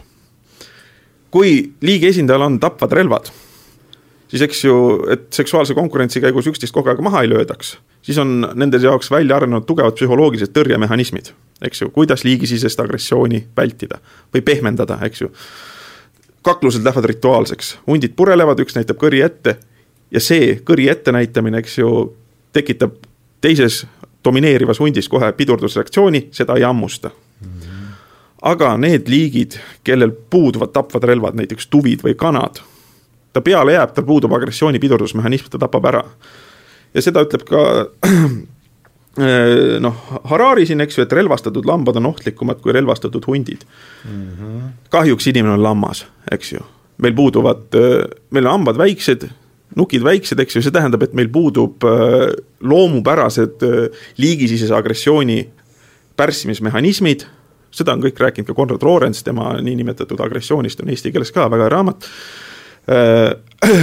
ja see, see, ja see teeb paraku inimese väga ohtlikuks, eks ju, tema loomuses ei ole liigisisese agressiooni piiramise mehhanisme, aga mingi neokorteksi omapära tõttu, eks ju, ta on suutnud leiutada suhteliselt hiljuti letaalsed relvad ja, ja see teeb inimesest nagu noh, väga kehva variandi. me psü-, noh, eks me võime liigikaaslasi tappa nii palju, kui torust tuleb, sellepärast meil puudub psühho-, psühholoogiline tõrge selle vastu. teatud mõttes, no kahekümnes sajand on nagu suurepärane näide sellest nii, aga vaata, laseme Anul ka vahele vahepeal. jah, ma panin torust. väga hea, sai selgemaks. nii aga.... mis, äh, kuidas, äh, mis sa kostad sellega jutu peale, mis? nii on aamen.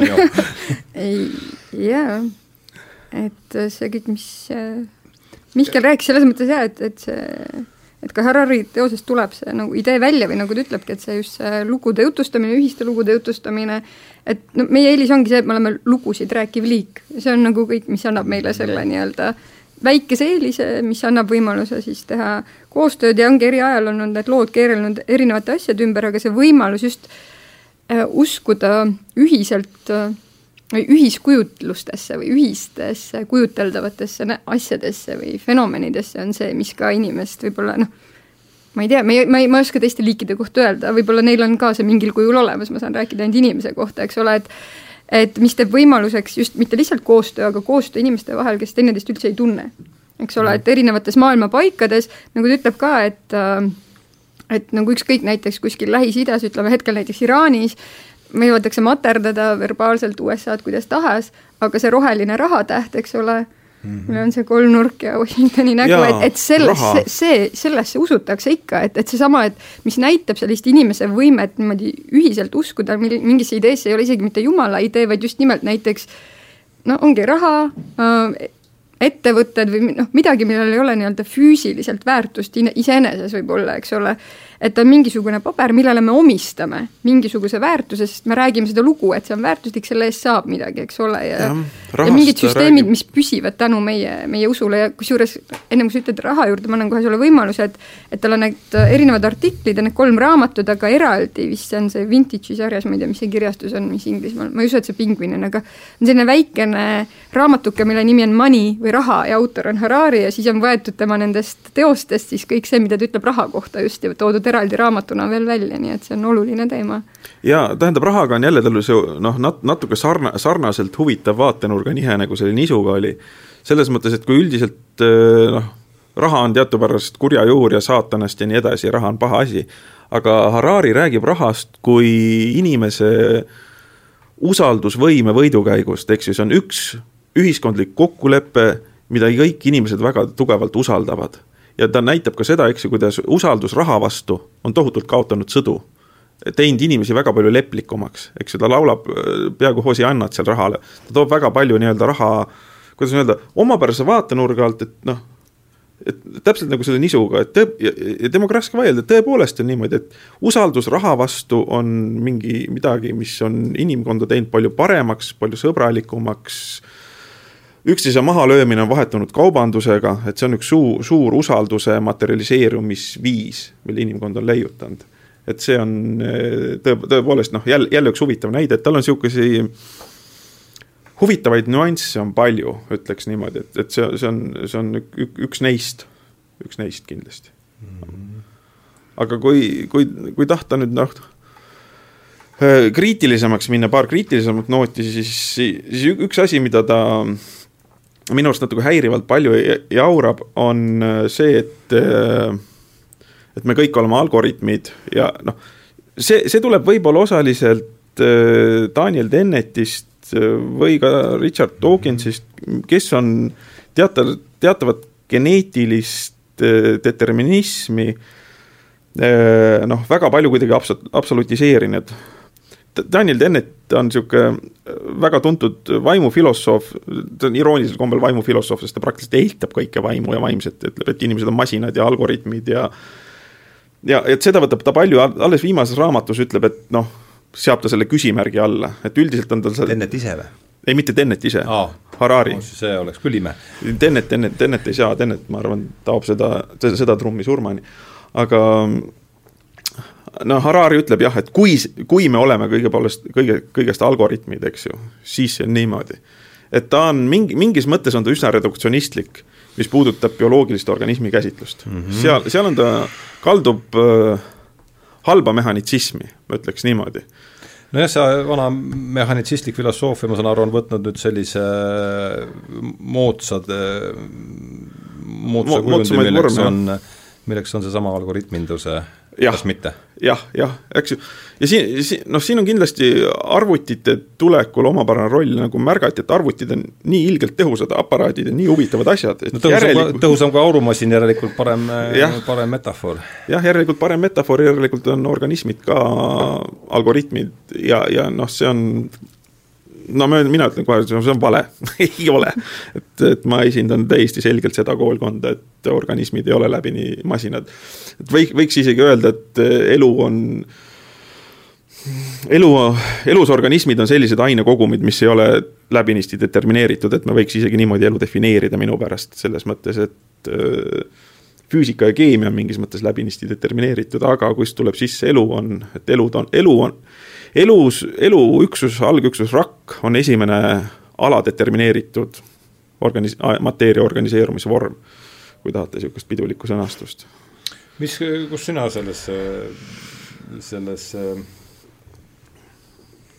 selles spektris asud, mille me, mille Mihkel meile siin ette joonistas? ja psühholoogiliselt on ta reduktsionist Harari, eks ja,? jah, jah jah, et selles mõttes tulles ka võib-olla teisest taustast, et esialgu see võib tunduda sellise nii-öelda üllatavana või võõristust tekitavana või noh, seesama, et kust ta tuleb sellega, et, et just nimelt, et kuivõrd saab inimese redutseerida, sest nagu tulles äh, usuteaduse taustast, siis sa oled harjunud nägema inimest just kõige muuna ja tegelema kõigi nende muude küsimustega, mille tema paljuski noh, jätab ära, sest ta ütleb, et see ei ole üldse teema, eks ole, et noh, millest me mm -hmm. räägime, mis nagu öeldud, et vaba tahe, et seda ei ole, et ka looduses, et meil on determinism või sattumus ja siis seal noh, üks või teine, eks ole, aga et see eh, no aga selles mõttes ka noh, ütleme usuteaduses ei ole see küsimus ju, ei ole lõplikku vastust, et vaba tahe võib olla samamoodi et piiratud või, või kas täielik, eks ole, et mis, mis ulatuses, mida see tähendab üldse ja nii edasi, et mis on see kõrgem autoriteet siis sellisel juhul, et et Harari, noh, ta ei anna ka selles mõttes paremaid vastuseid, et ühelt poolt, kui tulla selle kriitika juurde jah, et selline võib-olla inimese taandamine võib-olla liig bioloogiline, minu jaoks lihtsalt minu maitsele võib-olla liiga noh, selline bioloogia ja ütleme siis selle lihakeskne lähtumine. ikkagi samuti see liiga reduktsionistlik no, või? noh, mitte absoluutsetes mõtetes, ei ütleme võib-olla lihtsalt, ma ütlen minu maitsele, eks ole, et samas seda kompenseerivad paljud teised asjad, seesama, et ikkagi see, et kus ta ütleb teadu, teaduse rolli tähtsustades, et noh, et see on ikkagi oluline, et et noh, alati võib tekkida küsimus, et kui ma välistan, et noh, et mis, mis, mis siis alles jääb, et sellest inimesest, miks see siis üldse oluline on, mis meist saab liigina, et, et miks on siis see, miks me peaks selle üle üldse mõtlema või muretsema, eks ole, et see on ta pimeda, jah. et nagu ta ka ütleb, kui talt küsiti ühes intervjuus, hiljutises intervjuus, mille ta andis vist äh, Iraani televisioonile, kuigi tema raamatud nüüd no, eelmise aasta novembris äh, Iraanis keelati nende müük ära ja ostmine, et see on riik, kus tema on nüüd keelatud, sest samamoodi evolutsiooniteooria ja see, mida ta õpetab, ei lähe kooskõlla sealsete vaadetega, et siis äh, et kui talt küsiti, et kui nad, on nimetanud põhiohtudena siis inimkonnale ongi, et noh, tuumakonflikt või tuumasõda potentsiaalselt, äh, ülemaailmne kliima soojenemine ja tehnoloogia areng siis, mis võib kaasa tulla, tuua, eks ole, selle algoritmide võimu ülevõtmise, et siis kui talt küsiti, et kas ta arvab, et tõesti keegi nuppu vajutaks, noh, mis on täna väga aktuaalne küsimus, eks ole, Iraani-USA konflikti taustal, et sa ütlesid jah, et, et see on kõige reaalsem konflikt, millest kõik saavad aru, et see on reaalne oht inimkonnale, eks ole, et, et meie eksistentsile, et kui me seda teeme, siis noh, pärast seda ei jää suht midagi alles, et milline sõda on üldse edukas sõda, et noh, et miks ütleme, viimase ütleme poolesaja aasta jooksul on noh, reaalselt selliseid suuri sõdu olnud võrreldes nagu äh, varasema ajalooga siiski vähem, et kuigi näiliselt neid on, eks ole, me teame nendest rohkem, aga see nii-öelda ulatus või see nii-öelda kaotused on natuke ikkagi väiksemad, eks ole, et et ta ütleb jah, et need selles mõttes ei, võib loota, et inimesed ei vajuta nuppu, aga samas ta ütleb ka, et alati võib olla keegi, kes nagu eriti religioossed fanaatikud näiteks, kes usuvadki, et on surmajärgne elu, mis on võib-olla palju parem, eks ole, elu paradiisis, et miks ma peaksin miks mul läheb korda see, et seda siin ei ole, kui mulle järgneb sellele teole, eks ole, midagi palju imelisemat, et selles mõttes see oht jääb alati. kliima soojenemise osas on juba neid, kes ütlevad, on, ei ole, eks ole, seal ei ole enam kõigile ühtviisi selge, et see võiks meid ohustada. ja sealt edasi tehnoloogia areng on veel, eks ole, ettearvamatum, et kuhu see läheb. aga mis mulle tema puhul meeldib, et jah, et need kriitikanoodid on, et et ajaloo osas, et ta tõlgendab või valib või esitab ühte või teist asja oma no,, oma valiga, eks ole. aga just nimelt, et see ei ole selline, et küsimus just on niimoodi, et kellena ta näeb inimest, samamoodi, et seal võib ka vastu vaielda, et noh, neid maailmakäsitlusi ja neid elu, eluilmade või Lebenswelt, et see, et kus need mingid asjad toimivad, et neid noh, et ka noh, et siin võib olla sellist, just sellist filosoofia ajalugu või selle tausta jääb natukene äh, nagu väheseks võib-olla mm., aga samas ei saagi sealt seda eeldada, sest see ei ole tema eesmärk või noh, et et kui me nimetame teda filosoofiks, siis küsimus on just, et nagu mis on tema nii-öelda see siis nišš seal filosoofias või millega ta tegeleb, et selline ajaloolane võib-olla on rohkem kohane minu arvates, aga mis mulle meeldib, on tema kui küsida just nimelt, et kui kõik see muutub ja ainuke asi, mis ei muutu, on muutumine, et inimene, mis meie noh, kahe selles raamatus kakskümmend üks õppetundi, ta leiabki, et no, et mis kasu on, kui me oma lastele õpetame praegu mingit, ma ei tea, matemaatikat või programmeerimist või ükskõik mingeid praktilisi oskusi, sest kõik kogu aeg muutub, me ei tea, milline on tööturg varsti, et ainuke asi, mis on oluline, on kohanemisvõime et inimene lihtsalt kogu aeg peab ennast uueks looma, et see enam ei saa niimoodi, et sa pool elu, on ju, oli, käisid koolis, õppisid ametit ja ülejäänud pool elust oledki selles ametis elu lõpuni, ei. et juba praegu me näeme tegelikult see on, on ka juba ette ette, mhm. ettekirjutav sõnum. jaa, aga juba praegu tegelikult me näeme, et on ka juba teatud ettevõtted, kes palkavadki inimesi väga lühikeseks perioodiks ja siis sa lähed jälle edasi, sa oled sunnitud juba, noh, see on meie reaalsus tegelikult enam, see töönomaadlus ja kõik muu, eks ole, et meil ei ole, et üks elukutse algusest lõpuni, me kogu aeg peame looma midagi uut ja küsimus on, kas inimene on võimeline seda tegema, leidma endale seda ühelt poolt sellist funktsiooni, et ta ei oleks kasutu enda mõttes ja teiselt poolt, kui ta õhtumise on kasutu, et kuidas siis ennast noh, küsimus ongi selle mõtestamises siis, et, et me otsime, sa ütlesid ennem ka just, see kõik sai alguse sellest, et et justkui inimesed ta ei ole rahul, et on midagi, mis on kogu aeg on nagu see tunne, et tahaks midagi veel või tahaks rohkemat, eks ole. ja ta ütleb ka, et see ongi seesama, et, et meie pidev rahuldamatuse tunne, meil on ühelt poolt, meil on elu väga hea praegu parem kui varem, jah, ta ütleb, et parem kui varem, aga samas ta ütleb, et asjad on endiselt üsna halvad ja võivad muutuda veel halvemaks. aga meie võim on neid muuta paremaks, eks ole. et noh, me näeme, et kuna nad on olnud hullemad ja nüüd on paremad, et siis äkki midagi saaks teha, on võime, tema loogika. aga see, et meie võime neid muuta paremaks võime ka hullemaks muuta. justkui viitaks mingile, siiski mingile vabale tahtele, et see näitab otsustuse vabadus, äh, nii-öelda valikuvabadusele, mitte vabale tahtele. aga mis on, hästi. et kas need on, see on küsimus, kas need on üks ja sama. mis on nende vahe siis see viib meid küll natukene selle et tema arusaam vabast tahtest on natukene noh, just see, et vot seal, seal on tal, ma ütleks ja. ka nõrgad kohad, näiteks ühest kohast ta räägib, eks ju, et nagu suurest avastusest, eks pikalt seletab, et me ei ole indiviidid, eks ju, et individuus tähendab jagamatust mm, -hmm. aga tegelikult meie sees on äh, psühholoogiliselt nii-öelda mitu erinevat isiksust ja nii edasi. jutustav mina ja siis need erinevad. jutustav mina, mäletav mina, seda ja. tahtav mina, toda tahtav mina, aga minu arust see on nagu fenomenoloogilise psühholoogia täielik truism ja abc mida tema.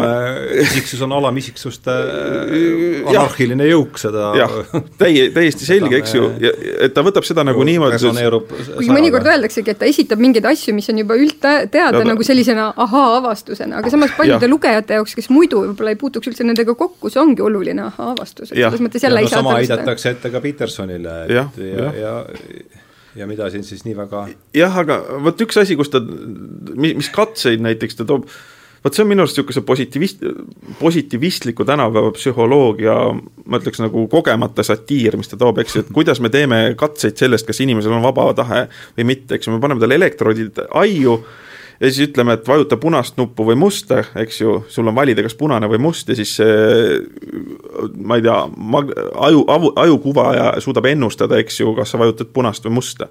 et minu arust see on nagu äh, kui me äh, redutseerime inimese tahte laboris A-B valikule, no siis, siis see, mida me uurime seal on nii kaugel vabast tahtest, et see on peaaegu nagu naeruväärne, eks ju, see naeruvääristab pigem positiivistlikku psühholoogiat, kui seab kahtluse alla vaba tahte olemasolu või see, mida me nimetame vaba tahteks.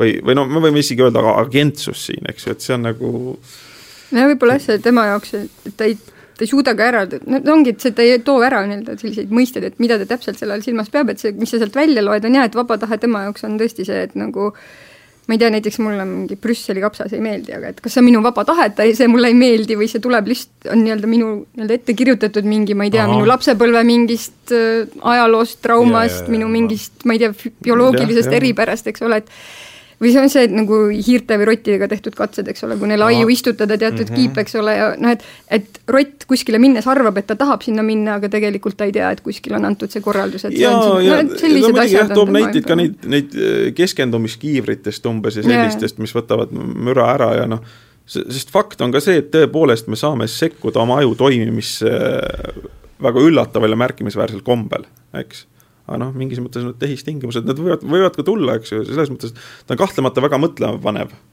aga tema, tema, tema nõrku või noh, nõrk koht on jah, just ma ütleks, fenomenoloogiline psühholoogia ja üldse kogu see sfäär aga noh, üks inimene ei saa ka olla ei ole universaalteadlane, eks ole. ta ei ole universaalteadlane. et, et on näha, et kuskil on tema nii-öelda sellised meelisteemad ja meelisasjad, aga aga samas selle mõtestamise koha pealt noh, et ikkagi see vajadus, et on meil see siis, noh, kuigi ta ütleb, meil ei ole vabat tahet, aga, aga ütleme niimoodi, aga otsustamisega need probleemid, ei veena jah, sest kõik need näited juba ka, mis ta toob, eks ole, tulevikuga seoses või noh, ühelt poolt ka, et meil on vaja mõtestada, et juhul, kui meil on see nii-öelda kasutute klass, et selleks, et olla õnnelik, et noh, kogu aeg inimene tahab midagi juurde, juurde, et ta kunagi ei ole rahul, eks ole, sellega, mis tal mhm. on, et kuidas siis saavutada seda rahulolu ja kuidas siis mõtestada.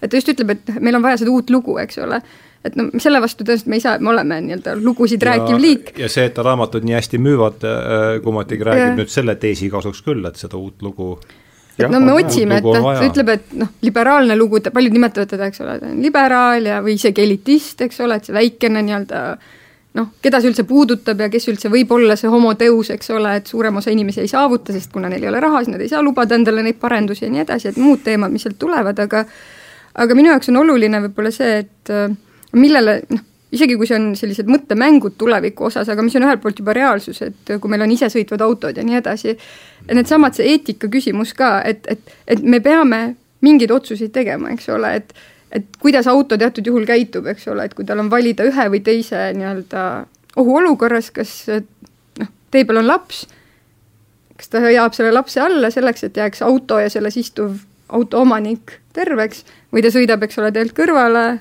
või vastupidi, no umbes, et need vastu-. valikut ei tee ju masin, vaid see on ta aga masinasse saab siis, tuleb sisse programmeerida, eks ole. ja siis küsimus, kas seal saab seda, no et umbes sellised teemad, sorry. ma, toon siin selle täpsustuse, autodega on väga, väga hea, eks ju, üks asi on see, kas sõita lapsele otsa või vanaemale otsa, eks ju, selle mm. me saame panna äh, algoritmiga sisse, aga asi on selles, eks ju, et et millisest eetikast peab auto, auto algoritmi jähtima, kas see, et alati säästa juhti ja. või see, et minimeerida laipade arvu eks ju, näiteks üks võimalus on, eks ju, et ütleme, et auto on kuristiku poole teel, kui sõidab kuristikku, saab ainult juht surma, eks ju, aga kui ta keerab kõrvale, saab vi viis inimest väljaspool autot surma, eks ju. ja tõenäoliselt kõik ostaksid sellise auto, mis ajab selle viis, viis inimest alla, aga jätab juhi ellu, eks ju, ja siin on see noh, üks näide, näide päriselt toimivast eetilisest konfliktist. aga need, ei, tõenäoliselt... ole, need ei ole ju jällegi see, minu arust, kus asjad lähevad tihti sassi, et need ei ole ju masinate valikud, vaid need on meie, meie valikud. jaa, ei seda mille küll, jah. need masina meid panevad selles mõttes, et me peame ja. võtma selle rolli, et me oleme need, kes otsustavad, kummal, kummal viisil me masina programmeerime, selles ongi see asi, eks ju. niikaua, kui meil on võimalus masinaid programmeerida. no see on ju sisuliselt sama probleem, kas ma kasutan kirvest äh, puu raiumiseks või naabrimehe lõikamiseks. jah, jah, selles mõttes seetõttu see jutt et nüüd need vanad religioonid ei anna meile vastuseid. siin, siin, siin annavad ja vot, vot ma ka kõlbelistes see... küsimustes annavad, selles mõttes küll, mitte sihukeste iseseisvate autode puhul, aga, aga noh. aga no. see ise, isesõitvad autod, nagu me äsja veendusime, on ju nende programmeerimine on kõlbeline, kõlbelise probleemi üks, üks osa, jah. sellepärast on ka nendes ettevõtetes nii-öelda elukutsed eetikud palga all, kelle ülesanne ongi selliste nagu välja töötada, see süsteem, aga, ja selles mõttes ma olen ka nõus, et et minu jaoks, kui ta ütleb, et need religioonid ei suuda vastata nendele noh, et ei suuda ajaga kaasas käia nende küsimuste osas, et kui ma võtan kas või selle enda juudi religiooni, et ja just, sest need probleemid puudutavad, eks ole, ortodokseid või tõsiusklikke inimesi, kes elavadki nende nii-öelda põhimõtete järgi, mis on aastatuhandeid vanad, ja kui nüüd uus aeg toob sinna mingisugused noh, nüansid juurde, eks ole, see ei tähenda, et selle eest lihtsalt pea peidetakse liiva alla vaid sellega tegeletakse, eriti mis puudutab meditsiinieetikat, näiteks minu arust nagu juudi religioonis on see väga nagu noh, väga aktuaalne teema, kõik, mis puudutab sellist äh, bioeetikat pluss elu lõppu, eks ole, organite, organidoonorlust, mingid sellised asjad, et need on küll väikesed võib-olla küsimused võrreldes noh, nende teemadega, mis ta, millest ta räägib seal, aga samas noh, see siiski näitab, et religioonid on võimelised, kui nad tahavad äh, et see sõltubki ka, milline on traditsiooni roll religioonis, kuidas seda mõistetakse, kas traditsiooni mm. mõistetakse mingisuguse jäiga süsteemina või traditsioon tähendabki pidevat tähenduse taasloomist. no just nimelt. ja, ja näiteks juudi ju... religioonis sellises klassikalises noh, et selles mõttes mulle mm endale tundub ka, et kuigi ta väidab, et ta on tegelenud oma taustaga, et mul teeb küsimus, et kui palju ta tegelikult üldse teab nii-öelda ta ei teadvusta ennast, eks ju, väga hästi. või sellist just nimelt, et noh, et ta nagu blokeerib mingi vaate välja, noh, et ta ei näe mingeid osi võib-olla või ta üldistab ka religioonide osas, et noh, ja see ongi võib-olla ühelt poolt mingid üldistused. et, äh, et selle tõttu teda lugedes tõesti, kui keegi ütleb, et see, et on vaja kriitiliselt mõtlevat lugejat, aga et äh, aga noh, vähemat ei saakski ju eeldada lugejalt et nagu minu arust see on nagu no, et kui sa loed, et siis jõulu, jõululuuletuseks on pikk niikuinii. no just, et äh, mulle just meeldis üks, mul sattusin ühe noore inimese blogi peale, kes oli ka lugenud seda ja siis ka ausalt rääkis, kuidas talle siis see meeldis ja et näitas ajalugu teisest vaatenurgast ja pani mõtlema ja ja esimese õhinaga on lihtne autoriideedega kaasa minna, aga see on siiski ühe inimese arvamus, mitte faktidega tõestatud tõde, seega kes teose ette võtab, lugege kriitiliselt et ja soovitab seda vanema kooli ja näiteks kohustusliku kirjanduse jaoks, et hea, hea tekst, mille alusel õpilased saaksid vaielda või arutada, eks ole. kirjandit kirjutada suurepärane. see, see on suur lugu jällegi, et pannakse asi ikkagi mingis, mingi, mingile suurele, suurele skaalale äh, paika, aga see, mis sa, Anu, ütlesid, et see religioon on pidev tähenduse taasloomine, see on noh tõesti väga see on nagu jah ja..., minu kui usuteadlase arusaam, aga aga Harari tõenäoliselt sellega võib-olla ei nõustuks väga. aga kus siis tema seda tähendust äh, otsiks? kuule, mul on tunne, et vot, vot siin on Vaikusest. natuke jah, de facto otsib ta vaikusest, vipassanast, aga aga minu arust ta päris no, hästi see on ju kõikide religioonide üks, üks põhilisi, või, põhilisi vaimseid harjutusi niikuinii, eks. no see, see, mida talle õigusega on tehtud, see, et ta ei kee-, ta enda teooriale ei rakenda neid sama kriteeriumeid, mida ta teistele lugudele rakendab. Ja, ja selles mõttes ta on ikkagi, ta ei pane tähele, et ta ripub, ripub konksu otsas, mille ta on ise nagu omast arust alla lõiganud laest natukene, aga noh, aga et, et ta sellegipoolest seal ripub see, see, see näitab jällegi, eks ju, noh, see, see on omaette äh, kõnekas. ühe plussina tasuks veel võib-olla võib välja tuua see, et ta mõtleb lõpuni väga palju selliseid mõtteid, mis tänapäeval on hästi palju lendavad õhus fragmentaarsel kujul. Mm.. et selles mõttes on jaa, ja selles mõttes on ta kindlasti soovitatav lugemisvara. Mm,. Võib-olla, et ma ei tea, kas päris lõpetuseks, aga selline aega on, aga, aga kui mõelda, et see me oleme siin hästi pikalt rääkinud, mida, mida ja mida ja siis tegelikult ta ise põhimõtteliselt vastab ka sellele samale küsimusele siin jällegi, et selles mõttes ma arvan, et see kahekümne esimese sajandi õppetunnid on natuke alahinnatud teos, et tegelikult kui niimoodi nüüd arutleda ja küsida, siis tegelikult sellise pilguga siit seda lugedes leiab ka võib-olla mingisugused vastused, et äh, see on selline osa või alapeatükk nimega tegelikkuse test mm, -hmm. et kui ta räägibki, ütlebki, et kui see on reality, mis see on siis, reality check või rea-? Äh, reaalsuskontroll? mul ei olegi siin seda inglise keelt, jah. kõlab nagu seda. jah, tõenäoliselt on see reality check et äh, ta ütlebki, et kuigi kõik need suured lood on üksnes meie peades sündinud kujutelmad, ei ole siiski põhjust meelt heita. tegelikkus on endiselt olemas. et teil ei saa olla üheski välja mõeldud, et teil ei saa olla osa üheski välja mõeldud draamas, aga miks peaksite seda üldse tahtma? inimeste ees seisev tähtis küsimus ei ole, mis on elu mõte, vaid pigem, kuidas vabaneda kannatustest. loobudes kõigist kujuteldavatest lugudest, tekib teil võimalus näha tegelikkust palju selgemini kui varem ning teades tõde enda ja maailma kohta, ei saa miski teid õnnetuks teha. kuid seda on muidugi palju lihtsam öelda kui teha. ja päris lõpus ütleb ta, et seega, kui tahate teada tõtt universumi, elu mõtte ja enda identiteedi kohta, on kõige parem alustada kannatuse märkamisest ning selle olemuse uurimisest. vastus, mille leiate, ei ole lugu. et kuidas jõuda mittelooni no,. mulle ma... tundub see tema nii-öelda see ja noh, seal ilmselt see Vipassana just, ja siis sellele kõige päris... viimane, see lõpebki sellesamaga just, mhm. kuidas, kuidas siis tema nii-öelda jõuab selleni, et kannatusi mm. teadvustada ja neid vältida, nende põhjustamist vältida, sest tema elukaaslane selles intervjuus mainis ka, et et see on võtnud koguni sellised mõõtmed, kui töö, öösel toas on sääsk, siis äh, Harari püüab selle sääse kinni ja viib õue, eks ole.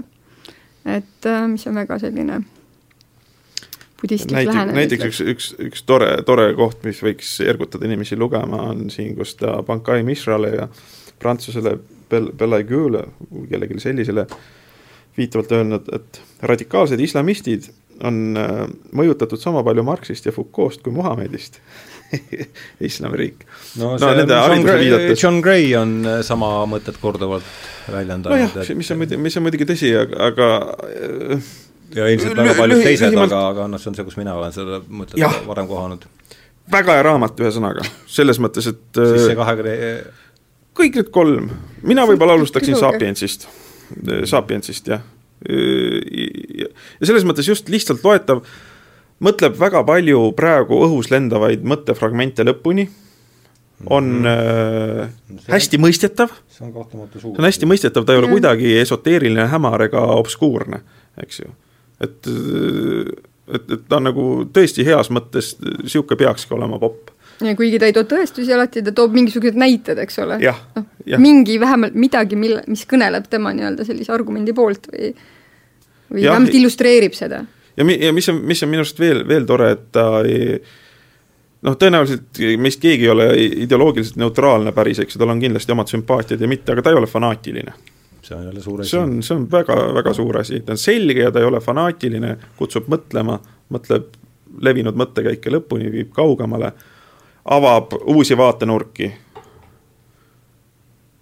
bioloogias ja psühholoogias võib-olla väga tugev ei ole, aga noh, see ongi niisugune jah, see on huvitav, see panin juba enne kõrva taha, et see üks äh, lause, mis on aidanud minul siin viimase aasta jooksul kuidagi toonud mingil määral äh, selgust, on see Will Durantilt silma jäänud, et kaasaegse filosoofia ajalugu on äh, füüsika ja, ja psühholoogia vahelise vastasseisu ajalugu, et et selle jutu taustalt äh, mulle tundub, et ta tuleb pigem sealt füüsika, selgelt füüsika poole pealt, siis selle, selle lause, selle ja, lause raames. jah, jah, on küll. ühest sellest tulenevate, tulenevate vooruste ja, ja, ja puudustega siis aga kuida-, kuidas see ka, ka Camus ütles, intellektuaal on see, kes talu-, kes talub vastuolusid oma sees. No, see tähendab, paned füüsika ja psühholoogia korraga oma hinge ja siis kannatad ja oled kahvlis, sest mõlemad on õiged. tulemus on suur hulk segadust no. kas see aitab kannatusi vältida? ja seda, selle segaduse klaarimine kannab äh,, ilmselt ongi see sünnist toibumise sünnist toibumise asi. protsess. jah, see on hästi-hästi öeldud. aga mm, nii, me oleme nüüd jõudnud küll siin ütleme viimase veerandini, võib-olla isegi tõenäoliselt viimase kolmandikuni. Äh, onu jutust käis siin alguses läbi, see mulle meeldis ka, et kes on inimene ja, ja mis on tema tuum. ja sealt äh, käis see teadvusuuringute Äh, mõiste läbi, sellega ta tegeleb, et räägime palun äh, ehk lõpetuseks äh, pisut sellest, kus ta seal jõuab ja räägime, mis on siis tema Te ju teadvusuuringud või? teadvu-, V-ga. jah, teadvusuuringud. Consciousness studies ja vot ma ütle, ma ütleksin, et äh, kus on... ta seal jõuab ja mis mis on see, võib-olla kuidas ta ega seda... ta minu arust väga ei jõuagi, aga see mm., mida ma ikka tahaksin rõhutada tema poolest no keegi pole suurt jõudu. on, on väga suur voorus, mis ei ole tegelikult väga levinud, on see, et ta saab aru, et intellekt ja psühholoogiline seesmus ei kattu, need ei ole samad mm. asjad. ja kui me teeme väga intelligentse arvuti, siis see ei ole psühholoogiline asi eks ju, arvutil ja intellektil, või tähendab, intellekt ei vaja psühholoogiat ja arvuti intellektil ei olegi psühholoogiat. et see, see eristus äh, on minu arust äh, oluline, sest noh, igasugustel noh, ulme, ulmestsenaariumitest ja inimkonna hirmudes on ikka see, et äh, arvutiks saab järsku mingi kuri ekspluataator või noh, mingi, tal on mingid kurjad kavatsused, emotsioonid ja niisugused asjad on intellektil, ei ole, eks ju et see on hea. kuivõrd me saame ikkagi rääkida no see metafoor venitatakse ka ikka päris kuradi laiaks. arvuti intellektist, me saame no no tegelikult, tegelikult on jah, de facto tegelikult see on arvu, arvutusvõimsus, eks ju. just nimelt, ta on ikka pigem ju kirves niisugune no keeruline. ma saan aru, paljud võrde, paljud vaidleksid mulle siin tõesti vastu, ta on lihtsalt äh, megaarvuti on lihtsalt keeruline kirves minu jah, ei mi, minu seisukohalt minu, ka, et siis siin, siin, siin noh, ta on siiski masin, täisdetermineeritud masin kuigi me võib-olla kõrvalt ei oska seda alati ennustada, on tema protsessid no, no, kinni jookseb tõenäoliselt suurema tõenäosusega, kui korraks korralik kirves, aga jah, jah, eks ta, ta, ta on komplekssem. aga noh, kuna, kuna ta lähtub, eks ju, sellest füüsikalisest koolkonnast, eks ju, siis noh, ta, ega ta ei saa teadusuuringutest kuhugi jõuda, sest noh, nagu ütleb ka, eks ju, see on psühholoog, positiivistliku psühholoogia suur probleem. keeruline no ei saagi, minu arust nagu see on, see on ju täiesti selge, eks ju, kui sa oma metoodiliste vahenditega alguses ütleb, jätame kõik tunded, fenomenoloogia kõrvale. ja siis lihtsalt järsku ehmatad, et oh-oh, aga mul on endal ju teadvus, eks et mis ma nüüd sellega peale hakkan.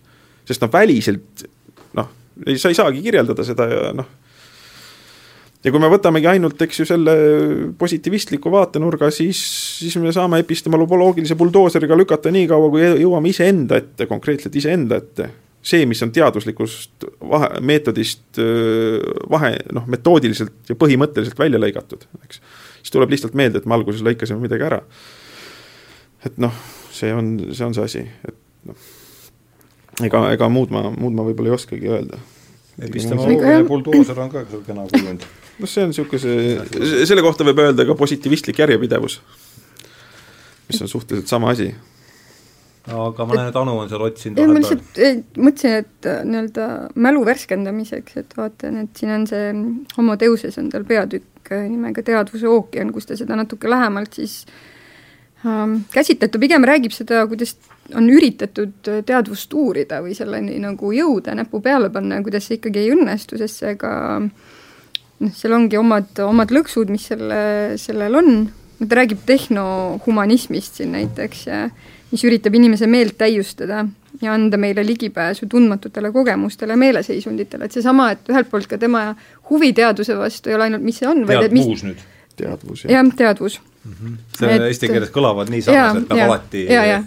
täpsustama. et mis on nagu selle veel potentsiaal, et, et see on ka meie jaoks nii-öelda tundmatu maa, et et pigem ta räägib just sellest, et kui raske on seda uurida ja kui, ja mis see, mis see omakorda võimaldaks, sest tõenäoliselt ka selles mõttes ähm, kokkupuutes meditatsiooni ja muu sellisega, siis tõenäoliselt noh, just need teaduse seisundid ja erinevad kogemused, mis sellega kaasnevad, et, et kuidas nendeni jõuda või kas see on ainus viis, et selles mõttes äh, ta räägib siin ka sellest positiivistlikust psühholoogiast natukene, et äh, kuidas see on alles viimastel aegadel hakanud äh, jõudma natukene sinna nii-öelda normiüleste meeleseisundite uurimise juurde ja nii edasi, aga no ta on ka psühholoogia osas no natukene selles mõttes võib-olla ta et ta on nõrk, et ta ka ei usalda, mulle tundub, psühholoogiat väga, et ta siin toob välja psühholoogia nõrkusena selle, et igasugused eriti statistilised, empiirilised uuringud, mida tehakse või ka küsitlused, et, et need on väga nii-öelda, kuidas, mille, sellel on väga oma kindel termin, mille kesksed nad on,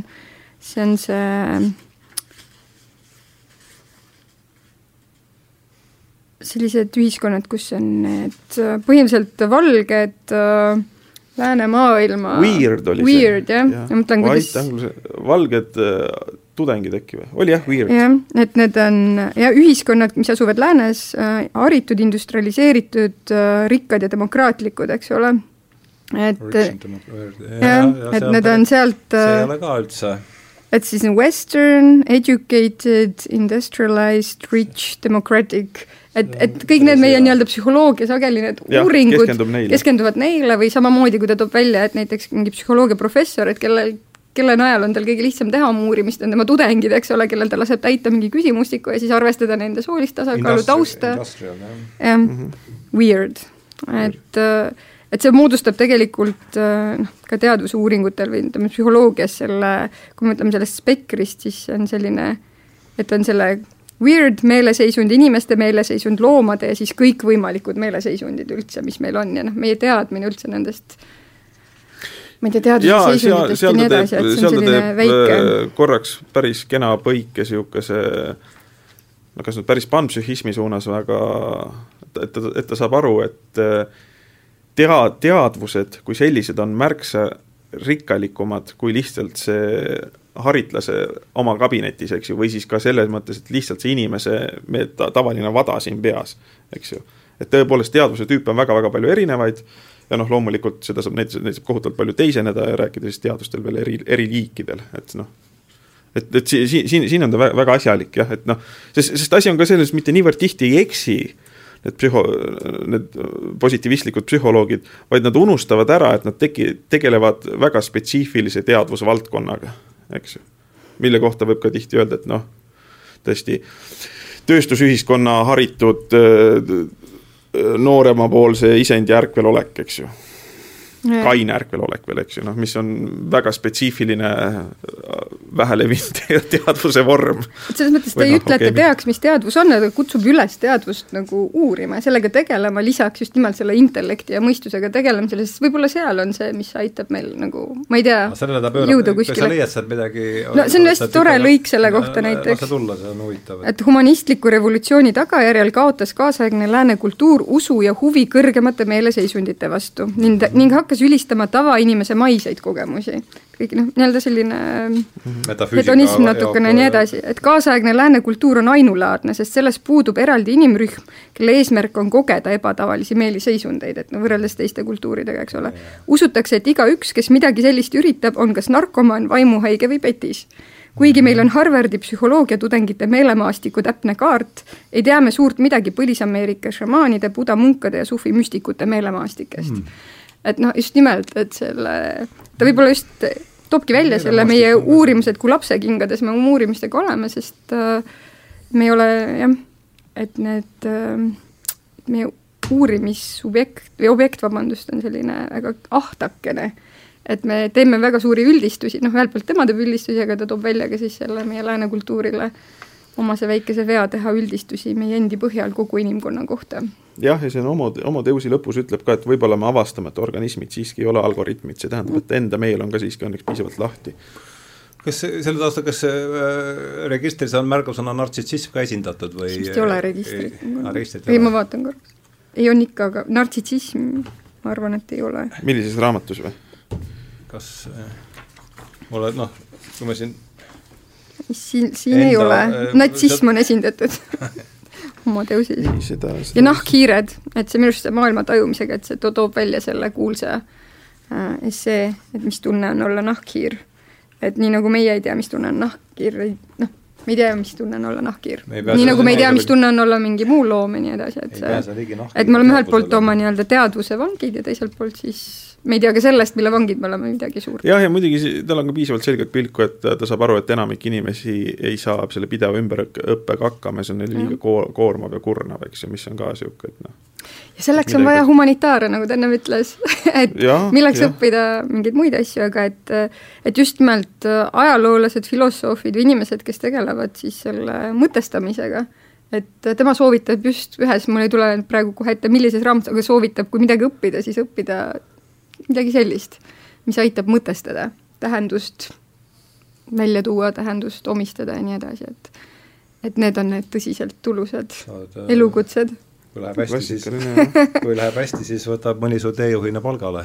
Just, et ja, äh, see, aga eks seal nišis on ka kõva konkurents, ma kujutan ette, tähenduse loomisel. see on suur võim. aga selge, nüüd on meil siin kümmekond, kümne, üritame nüüd kümnekonna minutiga siin siis tõmmata joone alla. Mm..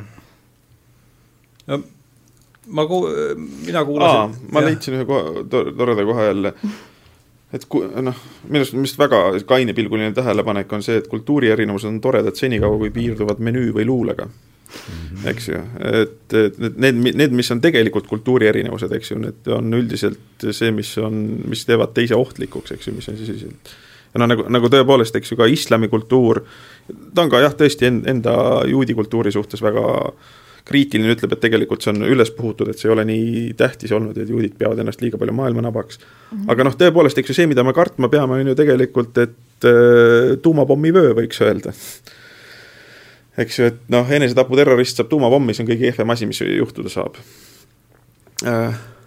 aga selle, selle, selle tähelepaneku kohta, eks ju, et, et de facto, mida ta jälle taandab bioloogiale mingis mõttes, et kõik sotsiaalsed loomad on evolutsiooni käigus loomuldasa arenenud ksenofoobideks,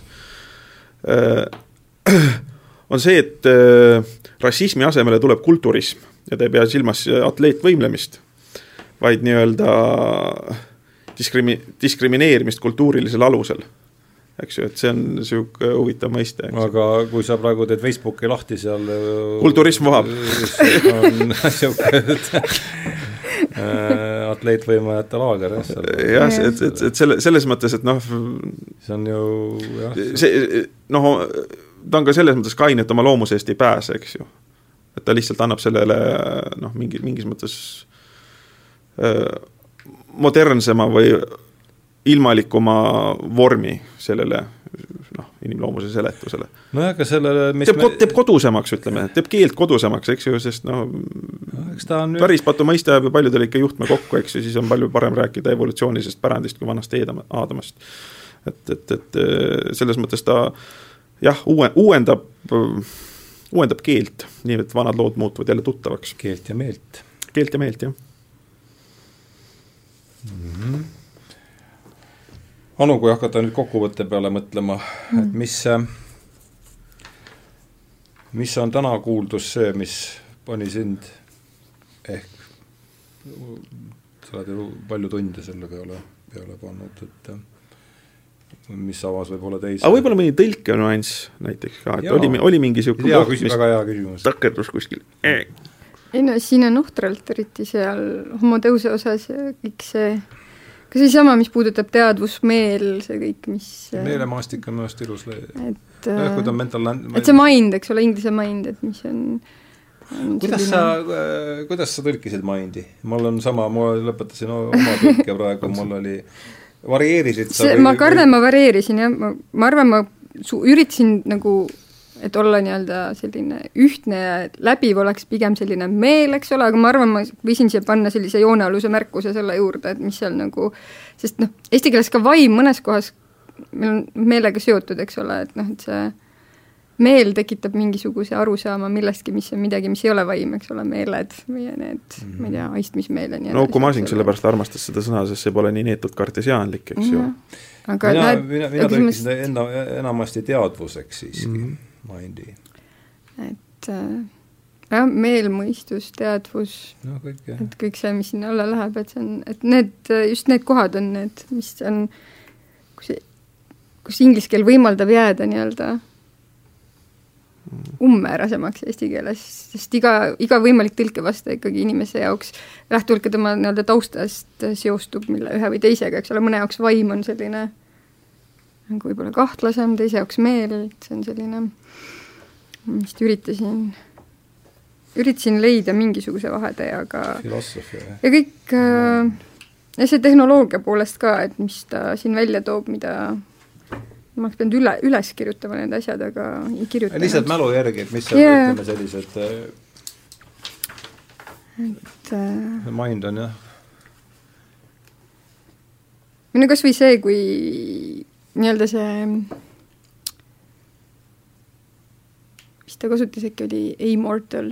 no seesama, et inimene, eks ole, et mitte surematu selles mõttes, et et ei ole võimalik surra, aga surematu selles mõttes, et ta on surmaväline või nii-öelda nagu apoliitiline, eks ole, et see, et sa oled küll surelik, aga sa ei sure, sest sa suudad pikendada oma elu lõpmatuseni ja sellised nagu noh väiksemad asjad, et äh, mõned tuleb lihtsalt tõlkes alati lahti seletada ja on aga kindlasti endal olid sellised nagu uudissõnade, ingliskeelsete uudissõnade no just see eriti homoteuse osas, mis ja, puudutas, et seal oli sellist, et pidi ikkagi järele kontrollima ja konsulteerima ja õnneks oli selline no asjalik sisutoimetaja ka, et kes selliselt vaatas, et sest seal, seal on väga lihtne lah-, kogemata nii-öelda ämbrisse astuda mingite sõnadega, et teinekord juba see tehniline ja tehnoloogiline, mida sobib ja mida mitte kasutada ja muud sellised, aga no loomulikult äh, noh, kindlasti on võib-olla lugejaid, kes arvavad, et äh, tõlke võiks rohkem sekkuda ja, ja ümber sõnastada või rohkem kommentaare lisada või täpsustusi lisada, joonealuseid. mina siiski leian, et, äh, et see et see ei ole tõlkija õigus selles mõttes no, seda teha ja et hakata teksti kuidagi söödavamaks muutma, sest siis tekib alati küsimus, kelle jaoks ja, ja kui, kui äh, kaugele sa sellega lähed siis? no just, et see oleks, äh, ma arvan, kohane, et äh, ma tavaliselt tõlkijana üritan jääda nii-öelda taustale just. ja üritada tabada siis selle autori, autori nii-öelda stiili, aga selles mõttes oli selline äratundmisrõõm Hararit tõlkides, et kuigi ma tõlkisin inglise keele kaudu, siis äh, olles Iisraelis üsna pikalt yeah. elanud ja viibinud, et siis selline tajusid Iisraeli ühiskonnale omane hutspa või selline nagu arrogantsus, kerge arrogantsi jootsen, noh, julgus öelda asju lihtsalt niimoodi välja või selline, või anda natukene hinnanguid, et see, et see oli selline tuttavlik ahaa-elamuseks, et see oli tore mm.. et ähm, just meeldib selline natuke vürtsikam, vürtsikam mm. populaarteadus kui võib-olla lihtsalt mingisugune. mis sul praegu pooleli on? hetkel on Paul Tillichi Julgus olla oh.. just, et seda on küll äh, varasemalt nii-öelda käsikirjaliselt tõlgitud erinevatel aegadel, see on olnud oluline teos. Tillichist oli meil oma siin saade. just, et Tillich see aasta tuleb veel et on veel kaugel teisi oled, asju ka. kaugel oled sellega? lõpusirgel, et selles mõttes see peaks loodetavasti selle aasta esimeses pooles ilmuma. kuidas see sulle istub? No Harariga võrreldes on see just äh, palju väljakutsuvam, sest ta põhiliselt räägib sellega olemuslikest mõistetest, just nimelt olemine, olemus, loomus, siit tekivad jälle need küsimused, eks ole, kuidas me tõlgime. et kas olemus ja loomus ja kõik see on samane. Ja, ja ängistusest ja hirmust, et just noh, mina tõlgin praegu, olen tõlkinud ängistus, et võib-olla see veel tõlke jooksul muutub, see on see, mis inglise keeles on anxiety, mida osad eestlased on tõlkinud ka rahutuseks. Mm. -hmm et aga, aga saksakeelses tõlkes on see angst, nii et et see on täpselt, kuidas ta panna sõnadesse. selle ta kirjutas juba inglise keeles ja,. jah, jah, aga see tõlgiti üsna pea kohe saksa keelde ka, nii et kui mahukas see on? ta ei ole väga mahukas, selline alla kahesaja lehekülje umbes selline. huvitav, see on aga jah, ma arvan, et see on just kui see kord välja tuleb, siis sellest tahaks teha kindlasti. just väga oluline raamat, ka selle taustal, mis siin on olnud, et jah, tema jaoks see inimene nii-öelda põhikäivitav asi ongi just inimese toimetulek oma ängi või sellise sisemise rahutusega, mis tuleb just mitteolemise siis sellest ähvardavusest või ohust. et kuidas me ümber käime selle teadlikkusega, et, et me olemegi finiitne olend. õunas olend, jah. et mis siis edasi saab, et äh, kuidas selle, selle teadmisega toime tulla et no muidugi lõpus ta jõuab, eks ole, kuna ta on teoloog, siis ta jõuab jumal, jumalani ja jumala mõisteni välja selles osas, aga aga need on jah, sellised huvitavad teemad. mingis mõttes Harari ikkagi antipood siis no kas antipood päris, aga teisest no, tegelevad natuke, nad vaatavad eri suundadesse. no selles mõttes jah sest noh, mingi, mingis mõttes on ikkagi eksistentsialist selles mõttes. ja, ja Harari et... paneb äh,, Harari võtab horisontaalseid tasandeid väga laialt ette mm. -hmm. Tillich paneb ikka vertikaali. et selles mõttes minu arust tasubki on... väga erinevaid asju ja autoreid ja. lugeda selleks, et äh, neid kõiki huvitab ju meie või see inimene. -hmm. et äh, mida rohkem lugeda erinevaid seisukohti just avatuna ja kriitilise meelega, et siis seda parem, et jah, ja Devali ka tema olema. lugege Devali. no vot siis, midagi, teeme ühe, ühe ringi peale veel või, või tõmbame joone alla siin? minul nagu, mul on, mul on umbes viimased viisteist minutit ajusuhkur täiesti aga see on see kütt, korilane, kütt sinus säästame su suhkrutaset ja tõmbame joone alla tänasele vestlusele, et aitäh ja. kuulamast, eetris oli järjekordne Tähenduse teejuhtide äh, vestlussaade ja minu äh, külalisteks olid täna Anu Põldsam, Mihkel Kunnus ja me rääkisime kolmest eh, Yuval Harari, Yuval Noah Harari eesti keeles ilmunud raamatust. ja mulle sai, kes ma ei ole lugenud nende raamatut, sai, sai autor tänase jutuajamise käigus lähedasemaks ja ja tekkis tema vastu suurem huvi, kui oli enne saadet ja ma loodan, et see võib, on ka ähm, sama tunne võis tekkida mõnes kuulajas, et äh, tänan kuulamast veel kord ja tänan teid tulemast saatesse ja head õhtut!